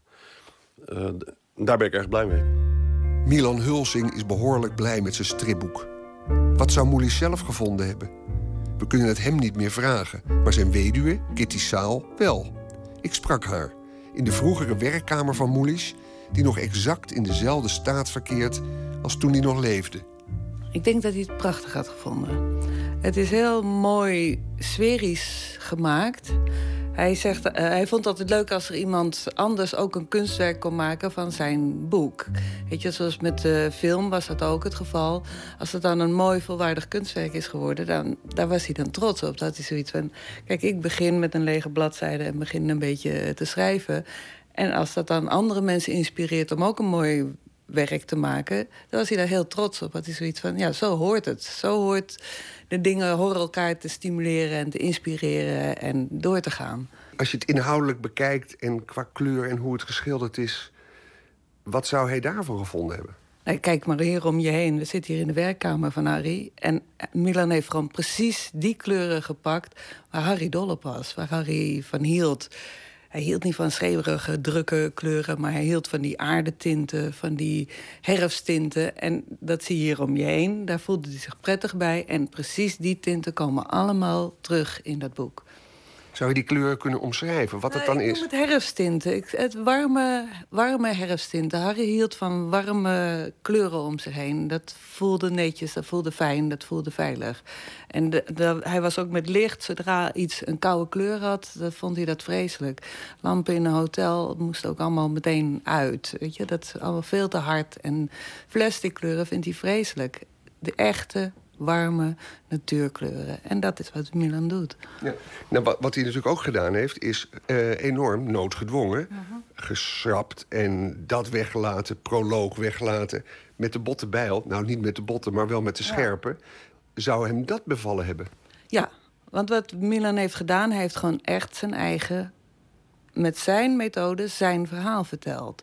En het verhaal blijft overeind, maar hij heeft niet volgens de letter gevolgd. En dan, daarom is het ook goed. Als hij alleen maar braaf geprobeerd had alles er toch erin te laten, dat werkt niet. Want het is een ander medium, het is anders. Dus op deze manier werkt het. Het is de sfeer van het hele boek wat overeind blijft. Nu zitten we hier in de werkkamer van Harry Mulisch. Dat wordt opengesteld. Er zijn, eh, eh, het wordt een museum ooit. Er zijn nu al bijeenkomsten, leesclubs, et cetera, et cetera. Waanzinnig veel boeken. Is er één stripboek te vinden? Hier in deze kamer? Nee. Dit is het eerste wat hier mag liggen. Dus Harry had eigenlijk niks met strips. Nee, hij, hij keek er wel eens in, maar nee. Harry had geen stripboeken, nee. Plaatjesboeken, dat is voor luie lezers. Zo heeft tekenaar Milan Hulsing zijn eerste recensie te pakken. Heeft hij iets met oorlog, met verzet? En waar komt zijn tekentalent vandaan? Als ik iets moet aanwijzen, dan zal het wel mijn opa zijn geweest. Die zelf eh, illustrator was en vooral houtsnedes maakte. En, eh, dus als we bij, mijn opa waren, dan uh, doken we altijd de kast in als hele kleine kinderen al. En er stonden eindeloos boeken van ja, mensen als Frans Massereel. Dus van die oude houtsneden kunstenaars. Uit het interbellum van tussen de oorlogen. Daar was hij helemaal gek op. Um, en dan zaten we daar altijd te tekenen. En dus ook politiek uh, geëngageerd, zoals je zei. Ja, mijn, ja, mijn opa was zelf uh, overtuigd communist. Uh, en heeft ook, ook, naar ik begrijp, in de Zaanstad dan in de, in de verzet gepleegd. Of tenminste, hij had zo'n hele mooie medaille. Um, en is heel lang communist weten te blijven. Hij is wel op een gegeven moment uit de CPN gegooid. Uh, dus ergens zal hij ook wel weer eens iets goed hebben gedaan. Die, uh, het was een hele, hele fantastische man. Gewoon overtuigd communist, maar gek van Hollywoodfilms. En uh, schreef over film. Dus dat is wel een soort figuur waar, waar, ik me mee identificeer. Hoe heet hij? Hij heet Ber Hulsing, Berend Hulsing. En zijn vrouw Ut Hulsing. En samen hadden ze een, een cabaret, dat heette Het Het Gaat Goed Cabaret. En dan gingen ze dus op ja, vakbondsbijeenkomsten en zo communistische liederen zingen. Waaronder ook hele mooie overigens. Eén liedje is uh, nu nog steeds bekend. Dat heet Van jou heb ik niets meer gehoord. Jij werd gevangen, ik weet nu waarom. Duizenden keerden uit Duitsland weerom. Van jou heb ik niets meer gehoord. Tot zover. U hoorde striptekenaar Milan Hulsing over zijn graphic novel De Aanslag, gebaseerd op het gelijknamige boek van Harry Mulisch. Ook hoorde u dienstweduwe Kitty Zaal. Een bijdrage was dit van Anton de Goede. En uit Arkansas kwam soul- en blueszanger Johnny Taylor. Als kind zong hij al gospel samen met Sam Cooke, die altijd een grote invloed op hem heeft gehad. En in de jaren 60 kreeg hij de bijnaam The Philosopher of Soul. En hij bleef een leven lang muziek maken. Een paar jaar voor zijn dood, in 2000, kwam het album Good Love uit. En daarop staat dit nummer Last Two Dollars.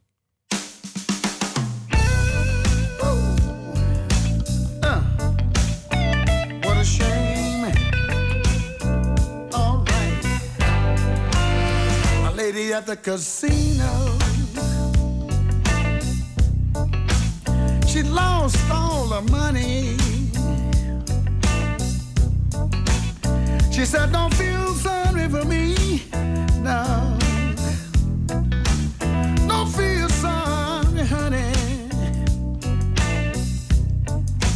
But if you wanna do a lady a favor, here's what I want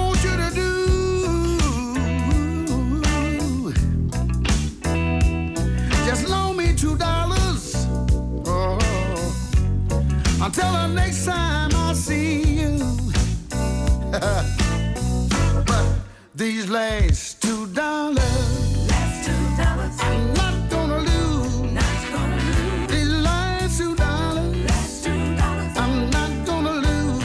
Not gonna lose. One going for my other one for the jukebox to hear me some blues. Gotta hear me some blues. Said I wouldn't be over here. My man had been treating me right. I came here to try to catch him, yeah. Cause he been sneaking around every night. But I got caught up over here. Yeah. Got caught up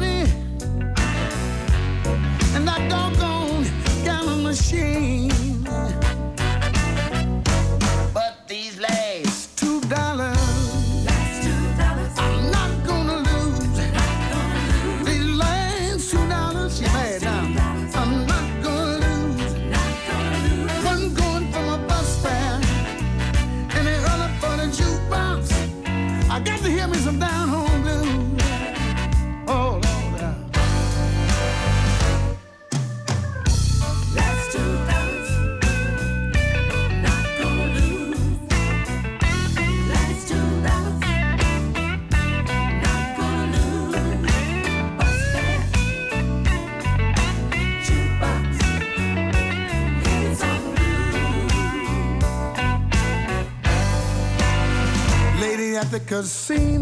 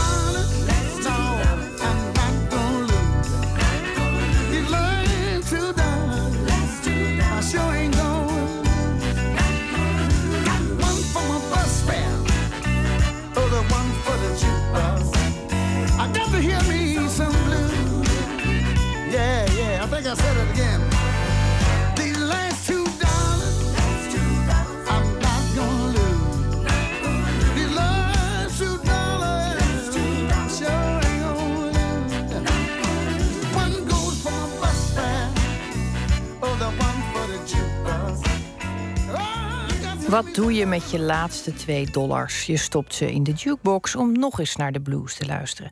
Johnny Taylor was dat met Last Two Dollars. Nooit meer slapen. Het is voer voor cultuurpessimisten. En nu wij meer en weer met elkaar praten, gebruiken we meer en meer plaatjes, beter bekend als emojis. Nu zeg ik wel we, maar ik bedoel natuurlijk jullie, want ik eh, begin daar niet aan. Althans, niet zomaar met iedereen in het openbaar. Hoe dan ook, eh, er is wereldwijd onderzoek gedaan naar het gebruik van deze emojis. En Maarten Westerveen, onze uitermate emotionele correspondent, praat mij bij. Eh, Maarten, waarom zouden we ons eigenlijk iets van emojis aan moeten trekken? Nou, in een ideale wereld helemaal niets natuurlijk, want het is volkomen infantiel. Maar ehm, we ontkomen er niet aan. Ehm, mijn ouders gebruiken emojis. Eh, onlangs heeft eh, de premier van Australië een heel interview uitgezonden in emojis. Het, eh, blijkbaar hoort het er tegenwoordig bij. Dus we moeten maar beter begrijpen waar we over praten. En er zijn een miljoen mensen onderzocht over hoe ze hun, emojis gebruiken. En ja, ehm, eh, een aantal dingen zullen je niet verrassen. Bijvoorbeeld Amerikanen mogen graag geld uitdrukken met die emojis. Ehm, Fransen hebben heel veel hartjes in hun emoji-gebruik. Ehm, Duitsers minder. Ehm, sommige dingen bevestigen je en sommige dingen zullen je verbazen. Ik heb, ben niet alleen op mijn eigen oordeel afgegaan. Ik, ben ook even, ik heb een rondje gemaakt langs de velden. Kijk hoe anderen erover denken. Bijvoorbeeld schrijfster Hannah Bervoets. ehm, hoe zij ze gebruikt. Of ze ze überhaupt gebruikt. En ehm, nou, zij heeft niet het soort technologie tot de beschikking... die er in staat stelt om bijvoorbeeld een lachende drol op te typen. Maar zij merkt ook dat zij er ook niet los van komt. Ja, ik zet ze heel veel in, ehm, meer dan anderen. Ik zet ze meer, merk ik. ik. Ik zet heel vaak een smiley in een sms'je. Omdat ik blijkbaar toch een soort angst heb dat mijn bericht verkeerd wordt geïnterpreteerd. Wat volgens mij een vrij individuele angst is. Want ik krijg zelden zelf sms'jes met smileys. En dat zou mij ook moeten leren dat een ander ehm, daar niet mee bezig is. En het waarschijnlijk ook niet erg op prijs stelt. En toch ehm, trek ik daar niet echt lering uit. Ik blijf, merk ik, een soort bijna eh, compulsief een, een knipoog in een sms'je stoppen. Compulsief knipoogjes in een sms. Ik vind het, eh, p- eh, de neiging vind ik pijnlijk herkenbaar. Eh, Ik vind het wel mooi eigenlijk. Overigens heeft ze gemeen met Engelsen. Hè? Die gebruiken knipoogjes het meest van alle onderzochten. Dat is, eh, maak daarvan wat je wil. Eh, Spanjaarden klappen vooral. Dus hier om, om elk bericht, om de haverklap, klappende... Klappen. Ja, Ik weet ook niet waarom. Het past wel een beetje. Nogmaals, de stereotypen eh, leven zich blijkbaar ook uit in deze emoties. Eh, ik vind het ook wel eigenlijk. ehm, ik vind het eigenlijk ook wel heel, heel, heel, eh, ontroerend eigenlijk om te zien. Want mensen pikken het blijkbaar toch op. En, en kunnen het blijkbaar niet laten. Want gebruik jij ze? nou, als iemand anders het- lang genoeg volhoudt... dan wil ik er wel eens een terugsturen, ja. Hoe voel jij je dan? Een beetje viezig. Beetje viezig. Maar. Nou, het hangt er vanaf wat ik stuur. Soms heb ik ontzettend veel eh, plezier erin. Vooral als ik eh, echt woorden kan vervangen door plaatjes. De- maar dan wordt het een beetje spelletje. Kom je vanavond eten En dan voeg je iets in wat je dan gaat eten. Nou, dat vind ik dan eh, op een kinderlijke manier eigenlijk heel bevredigend dat ik dat kan vervangen door een beeld. Allemaal interessante woordkeuzes, want we gaan het straks ook nog over aubergines hebben. Maar ik vroeg ook journalist Tim de Gier ehm, hoe hij daar tegenaan kijkt. Want hij blogt veel, hij gebruikt die emoties ook veel. En of hij enige lijn zag in het gebruik ervan.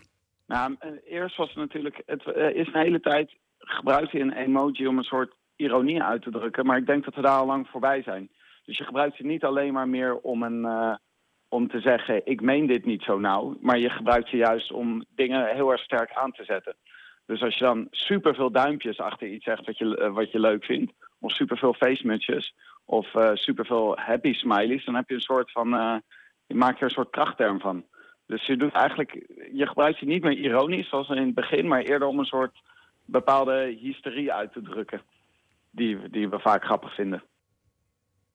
Het is toch een beetje ten compensatie van de lichaamstaal die wegvalt. Ja, het moet haast wel. Ik, nogmaals, ik was hiermee bezig en ik merkte het ook bij Hanna Bervoets en Tim de Gier. We hadden het erover. En je zegt de meest idiote dingen als je het over emoties moet hebben. Want het, gaat niet anders. Een, een hamkat. Ik weet niet of jij weet wat dat is. nee. nee. Wat maar is een hamkat? Dat is een, het, is een, een, het is een ham, maar dan ook een kat tegelijkertijd. Ja, het, dat is het erge van deze tijd. Dat is, daar zijn we nu toe veroordeeld. Tot het gebruiken van dit soort tekens. Maar eh, blijkbaar moet dat toch. Want ehm, je wil toch dingen uitdrukken, blijkbaar, die niet meer in tekst uit te drukken zijn. En. en Ehm, waar, waar je dat in godsnaam voor allemaal mag gebruiken. Ik weet het niet. Maar ik heb het bijvoorbeeld ook al met, met uitroeptekens. Ik weet niet hoe jij daarover voelt. Maar uitroeptekens, ja, dat is eigenlijk iets voor hysterici. Maar tegenwoordig durf ik ze niet meer niet te gebruiken. Omdat ik bang ben dat mensen anders niet geloven... dat ik werkelijk blij ben om naar een feestje te gaan. Je kunt niet schrijven wat leuk, punt. Wat leuk punt. Nee, kan dat- niet nee. meer. Want we zijn de ironie voorbij. Ik vind het eigenlijk eh, ook. eh, ik vraag me af of het ook omgekeerd werkt. Dat we op een gegeven moment eh, emoties na gaan spelen in de werkelijkheid. Dus dat je, als je gezichtsuitdrukking niet echt op een smiley lijkt. dat je het dan waarschijnlijk ook niet meer leuk vindt. Dat het, dat het twee kanten op gaat werken. Dus dat we die, die weer gaan kopiëren in de werkelijkheid. Maar wat gaan onze volgende emoties dan worden? Dat vind ik eigenlijk wel... In jouw geval word je een hamkat, denk ik. ja. Vreselijk toch? Dat is toch werkelijk vreselijk. Ehm, eh, eh, maar de vraag is natuurlijk ook: waarom worden die dingen gemaakt en hoe gebruik je ze? En, en eh, we gaan nu aankomen bij onder andere de aubergine. Voor mensen die nog nooit zoiets hebben gebruikt. Aubergine is een, is een, veelgebruikt symbool. Ehm, het wordt altijd bedoeld als een deel van de mannelijke anatomie. Ehm, of niet. Maar als het dat niet is, dan is het ook niet meer duidelijk waarom dat zo is. En Anna Bervoets die had daar wel ideeën over. En dan heb je eigenlijk, ja, dan maak je een grap door iets dat serieus bedoeld was anders in te zetten. En de grap zit hem dan nou, in de ironie daarvan. Dat is die eerste eh, lading. En ik merk heel erg dat bijvoorbeeld op een iPhone zitten al vrij absurde smileys. Daar zit een aubergine op. Nou ja, niemand gaat ooit serieus één op één iets over een aubergine communiceren. Dus eigenlijk is bij zo'n iPhone ehm WhatsApp en zo al ingebakken dat jij die smileys um, op een ironische manier gaat gebruiken. Ja, ik, ik, het, het spijt me vreselijk, Esther, dat we het hierover moeten hebben. En weet je, maar nogmaals, het idioot is, het is en infantiel en het is overal. Dus je, je kan er eh, om lachen en, eh, of om huilen, wat ik doe straks als ik hier de studio uitga. Maar even zo goed ehm, ontkomen we er niet meer aan. Als mijn ouders mij iets willen duidelijk maken via WhatsApp, dan gebruiken zij die dingen ook. Ik heb echt waar serieus nog nooit van iemand een aubergine eh, gekregen. Ik had ook nooit begrepen dat je daar andere dingen mee kon uitdrukken dan, dan eh, groentetuinbeschrijvingen. En het idee is niet eens bij me opgekomen. Dat is niet uit de naïviteit. Het, het, het idee om iemand een aubergine te sturen en daarmee iets te suggereren over de mannelijke anatomie. Het is simpelweg. eh, er gaat wel een wereld voor mij open nu ik dit eh, besef. Dat je met die aubergine veel meer kunt doen dan alleen maar volkstuinrecensies twitteren. Eh, maar het, ja, ik moet zeggen dat het. eh, de lachende drol. Ja, populairste in Canada en Maleisië. Ja, wa- waarom? Eh, dat is het. Ja, ehm, misschien vinden ze het schattig. Misschien, de, misschien drukt het iets uit in de wat. misschien is de, de, de Maleisische en Canadese cultuur wel eentje die enigszins repressief is. En die dus misschien dingen binnen moet houden. En dat, wat dan beter om ondeugende gedachten uit te drukken dan met een lachende drol. Ik weet het niet. Maar ehm, het mooie is dus dat, dat blijkbaar elke taal en elke cultuur ondanks dat er dus, dus geen taal aan deze tekens verbonden zijn, toch een eigen betekenis daaraan weten te verbinden. En het mooie is, dat wordt ook niet allemaal zomaar bedacht. Dat is nog idioter eigenlijk. Ehm, er is een heel consortium. Het Unicode Consortium in Californië. Eh, daar zitten allerlei grote bedrijven achter die daar een non-profit van hebben gemaakt. En die, die, die buigen zich de hele dag over al deze verschillende tekens. En die selecteren tekens die mogen blijven, die, die toegevoegd moeten worden en die weer weggehaald moeten worden.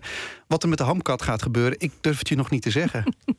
Ik, eh, ik denk dat we allemaal eh, wel, wel onze eigen dromen hebben over de ideale ehm, eh, emoji. Ik vind de lachende drol overigens een hele fijne. Ik heb dat altijd gezien als tragische shit. En dat eh, vind ik een heel mooie samenvatting van mijn eh, huidige staat van zijn.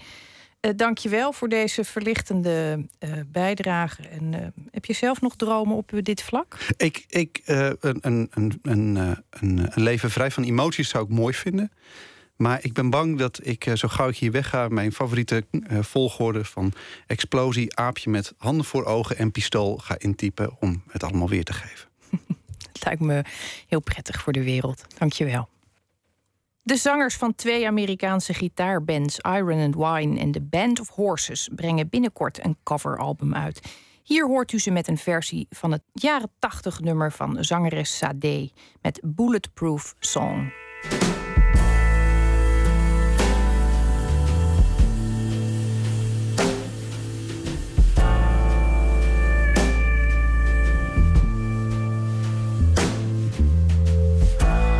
Was so in love with you. You rarely see a love that true. Wasn't that enough for you? Wasn't that enough for you? I would climb a mountain. I wouldn't wanna see you fall. Rock climb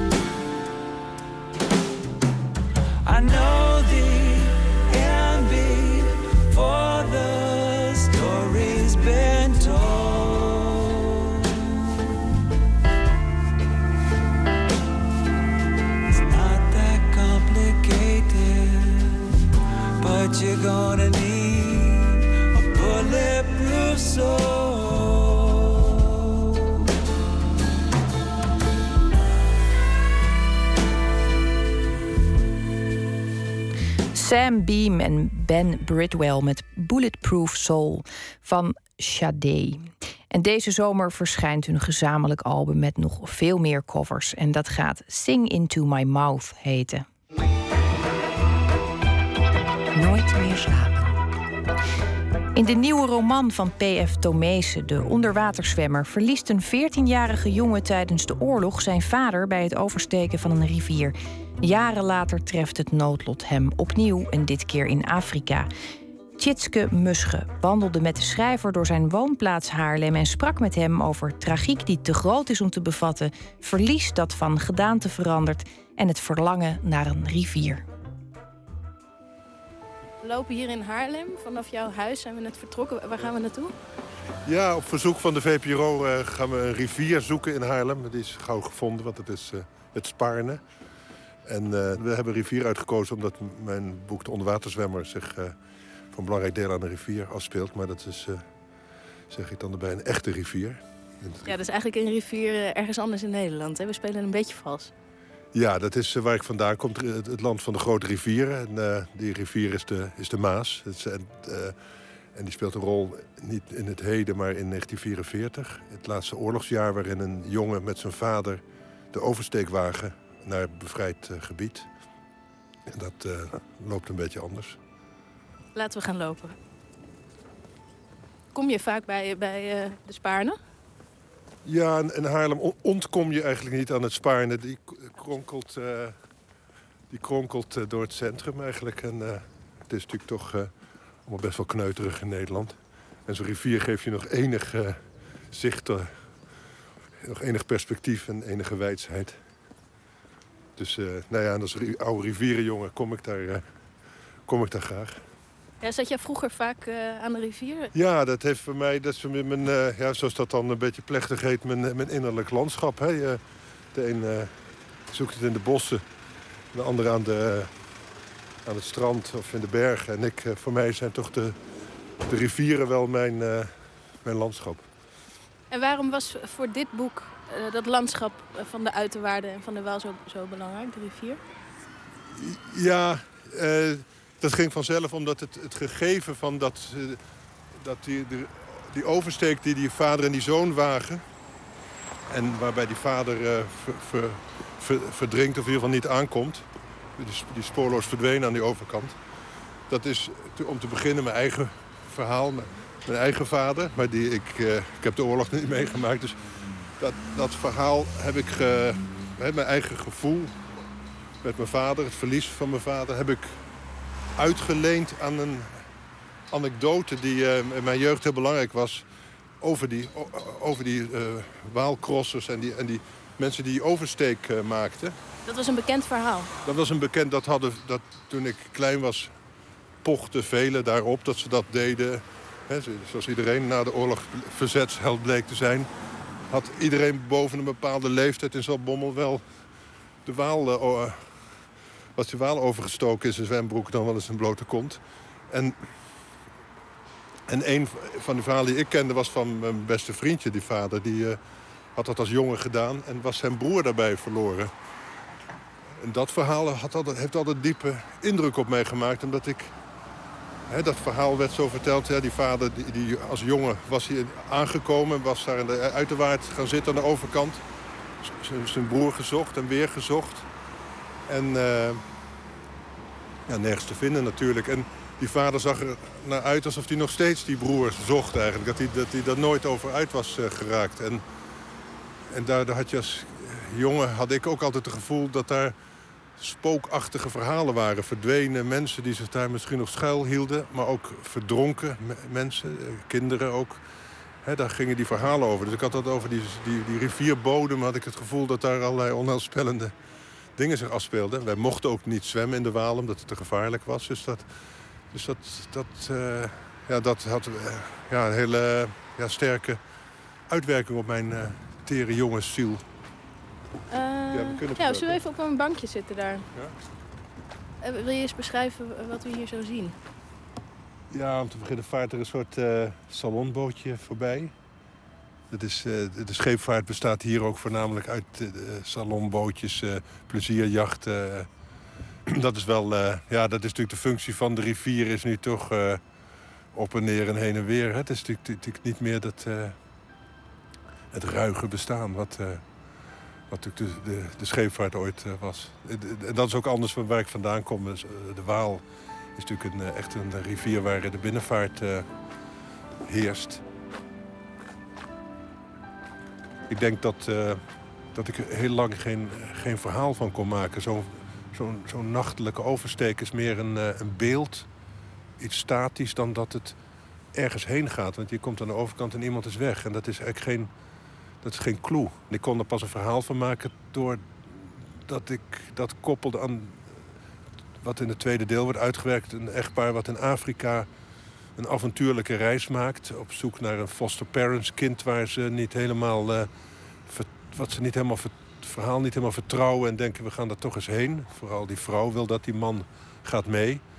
En dan komen ze ja, in iets terecht wat natuurlijk veel te groot voor hen is. Ze, ze, hebben, ze, ze hebben die reis uitgestippeld, maar er valt niks te, te stippelen in zo'n eh, in zo'n gigantische ruimte en waar zij er helemaal niet toe doen. Hè? En, en dan eh, verdwijnt die vrouw ergens in, de, in zo'n in zo'n klein dorp. En hij taxeert die situatie volledig verkeerd in. En, dat, en toen ik dat aan elkaar koppelde, dus zo'n echtpaar wat dat doet... en dat heb ik gewoon uit de krant geknipt. Dat, dat bleek achteraf het verhaal van die Sjaak Rijken te zijn. Maar ik wist toen niet dat hij zo heette. Maar eh, Hè?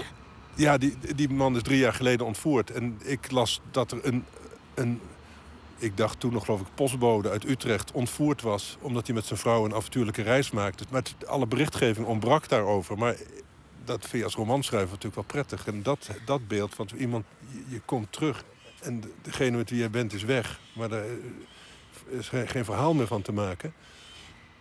Dat kon ik koppelen aan die jongen die hè, als 14-jarige bibberend in dat, eh, in dat hoge gras zit... En niet begrijpt dat zijn vader niet ergens is. Dat hij niet eh, van achter een bosje vandaan komt of ergens verderop op zijn hem zit te wachten. En daar maar niet aan kan wennen aan die gedachte. En, en dan krijgt hij 30 jaar later hetzelfde. En dan denkt hij, "Nou, maar dan moet ik het anders oplossen. Nu, nu zal me dat toch niet overkomen dat ik daar zo, eh, zo afwezig eh, blijf zitten wachten en aarzelen. Nu moet ik, nu is mijn kans hè, om mijn lot in eigen hand te nemen. En dat gaat valikant mis. Dat gaat altijd valikant mis natuurlijk. En dat gaat nu ook valikant mis. En je kunt zelfs zeggen... Ja, het maakt eigenlijk niet uit wat hij doet. Het is ook niet zozeer dat hij... Hij, hij is gewoon niet in staat die, die situatie op te lossen. En dat... eh, dat en, ja, en toen had ik mijn verhaal. Nou, schreef je eerder, eh, het was een bekend verhaal bij ons, eh, dat, dat overzwemmen. Ehm, dat heb je gekoppeld aan het verhaal van je vader, die jong overleden Ja, is. ja. Ja, dat- dat, dat- komt nu, nu pas uit, toch? Ja, ik, eh, ik heb, ja, als ik eraan denk, gaat mijn debuut Zuidland al heel erg over eh, de afwezigheid van mijn vader. Wat een grote rol speelt in Zuidland en ook hier is dat er, vindt iets plaats wat te groot is om te bevatten. En, eh, en, dat is eh, wat heel belangrijk gegeven is in in de onderwaterzwemmer, denk ik. En ook in, eh, in Zuidland en ook in Schaduwkind. En dat, eh, en een belangrijke zin, denk ik, in eh onderwaterzwemmer is ook eh, dat... mijn hoofdpersoon zich erover verbaast dat eh, zoveel mensen erin slagen hun leven voor te stellen als een product van eigen keuzes. Alsof, hè, alsof jouw leven iets is wat jij zelf eh, ja, bedenkt en uitvoert. Als het, alsof het een, eh, een organogram is. Hè? En, en, terwijl het natuurlijk iets, iets wat je overkomt. En, en ja, dat is een sterk besef van mij... wat door, door de vroege dood van mijn vader natuurlijk wel een extra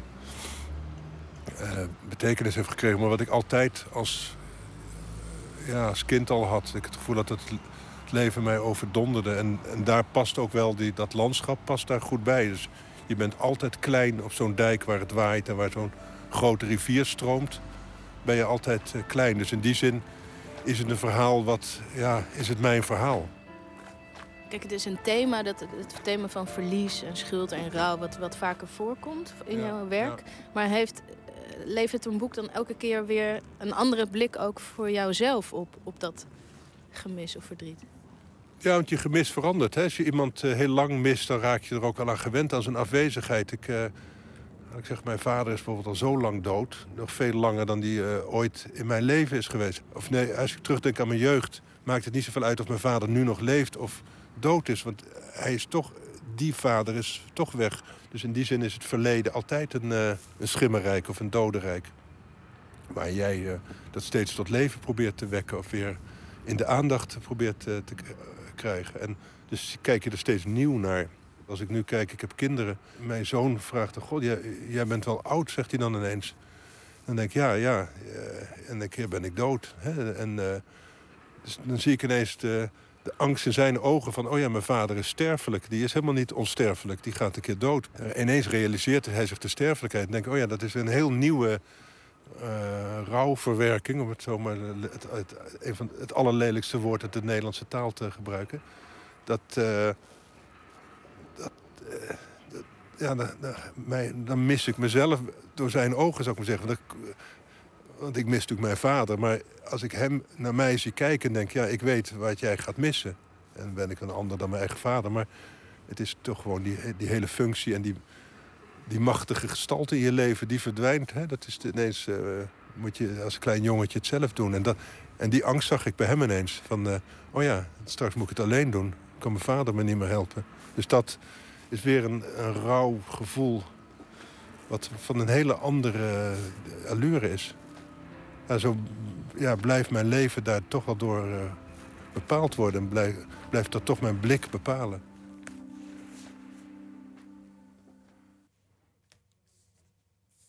U hoorde Tjitske Musche in gesprek met schrijver P.F. Tomezen. Zijn roman De Onderwaterzwemmer is uitgegeven bij Atlas Contact en ligt vanaf vandaag in de winkels. En aanstaande vrijdag en zaterdag vindt in Amsterdam weer het London Calling Festival plaats. En een van de mensen die daarop zal treden is singer-songwriter Charlie Cunningham. Die hoort u hier met Own Speed.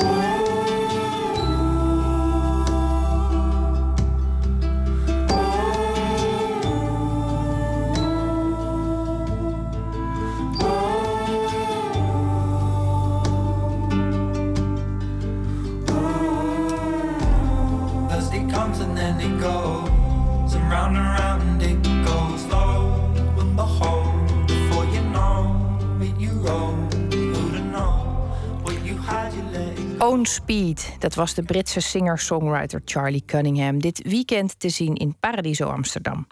En we eindigen deze aflevering met een dichter die een favoriet gedicht voordraagt. Deze week is dat de keuze van Krijn Peter Hesselink. En ditmaal leest hij een eigen gedicht, De Donkere Kamer waar ik bleef logeren.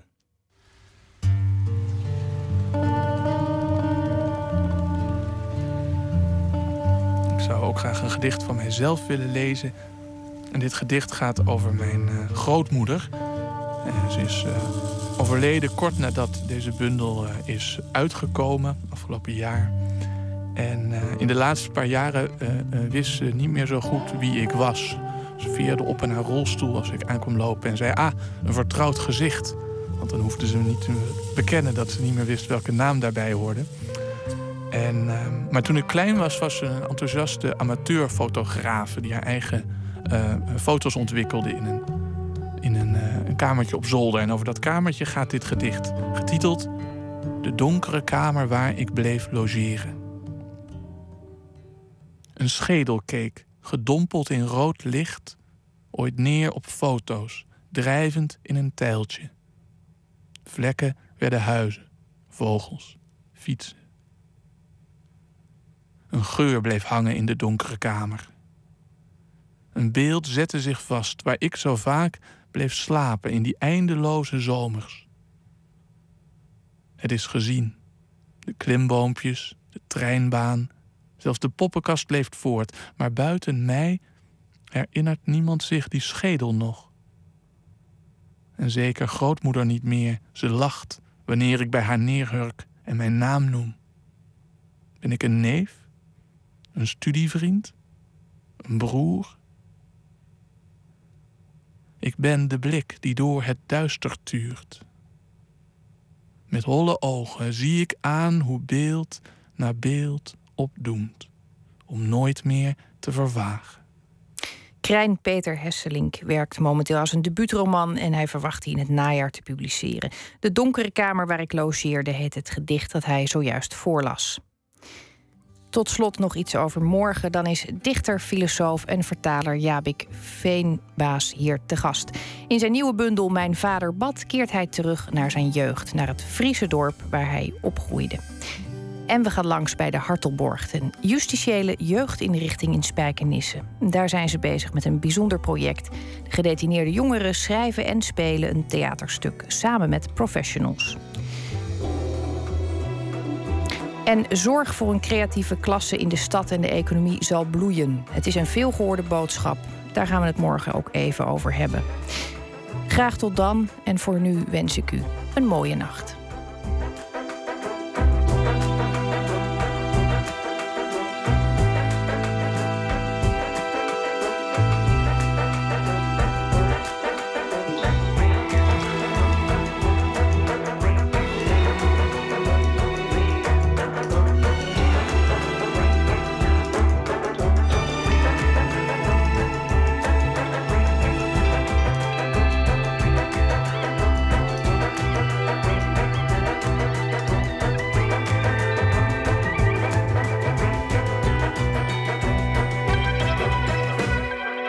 Radio 1, het nieuws van alle kanten.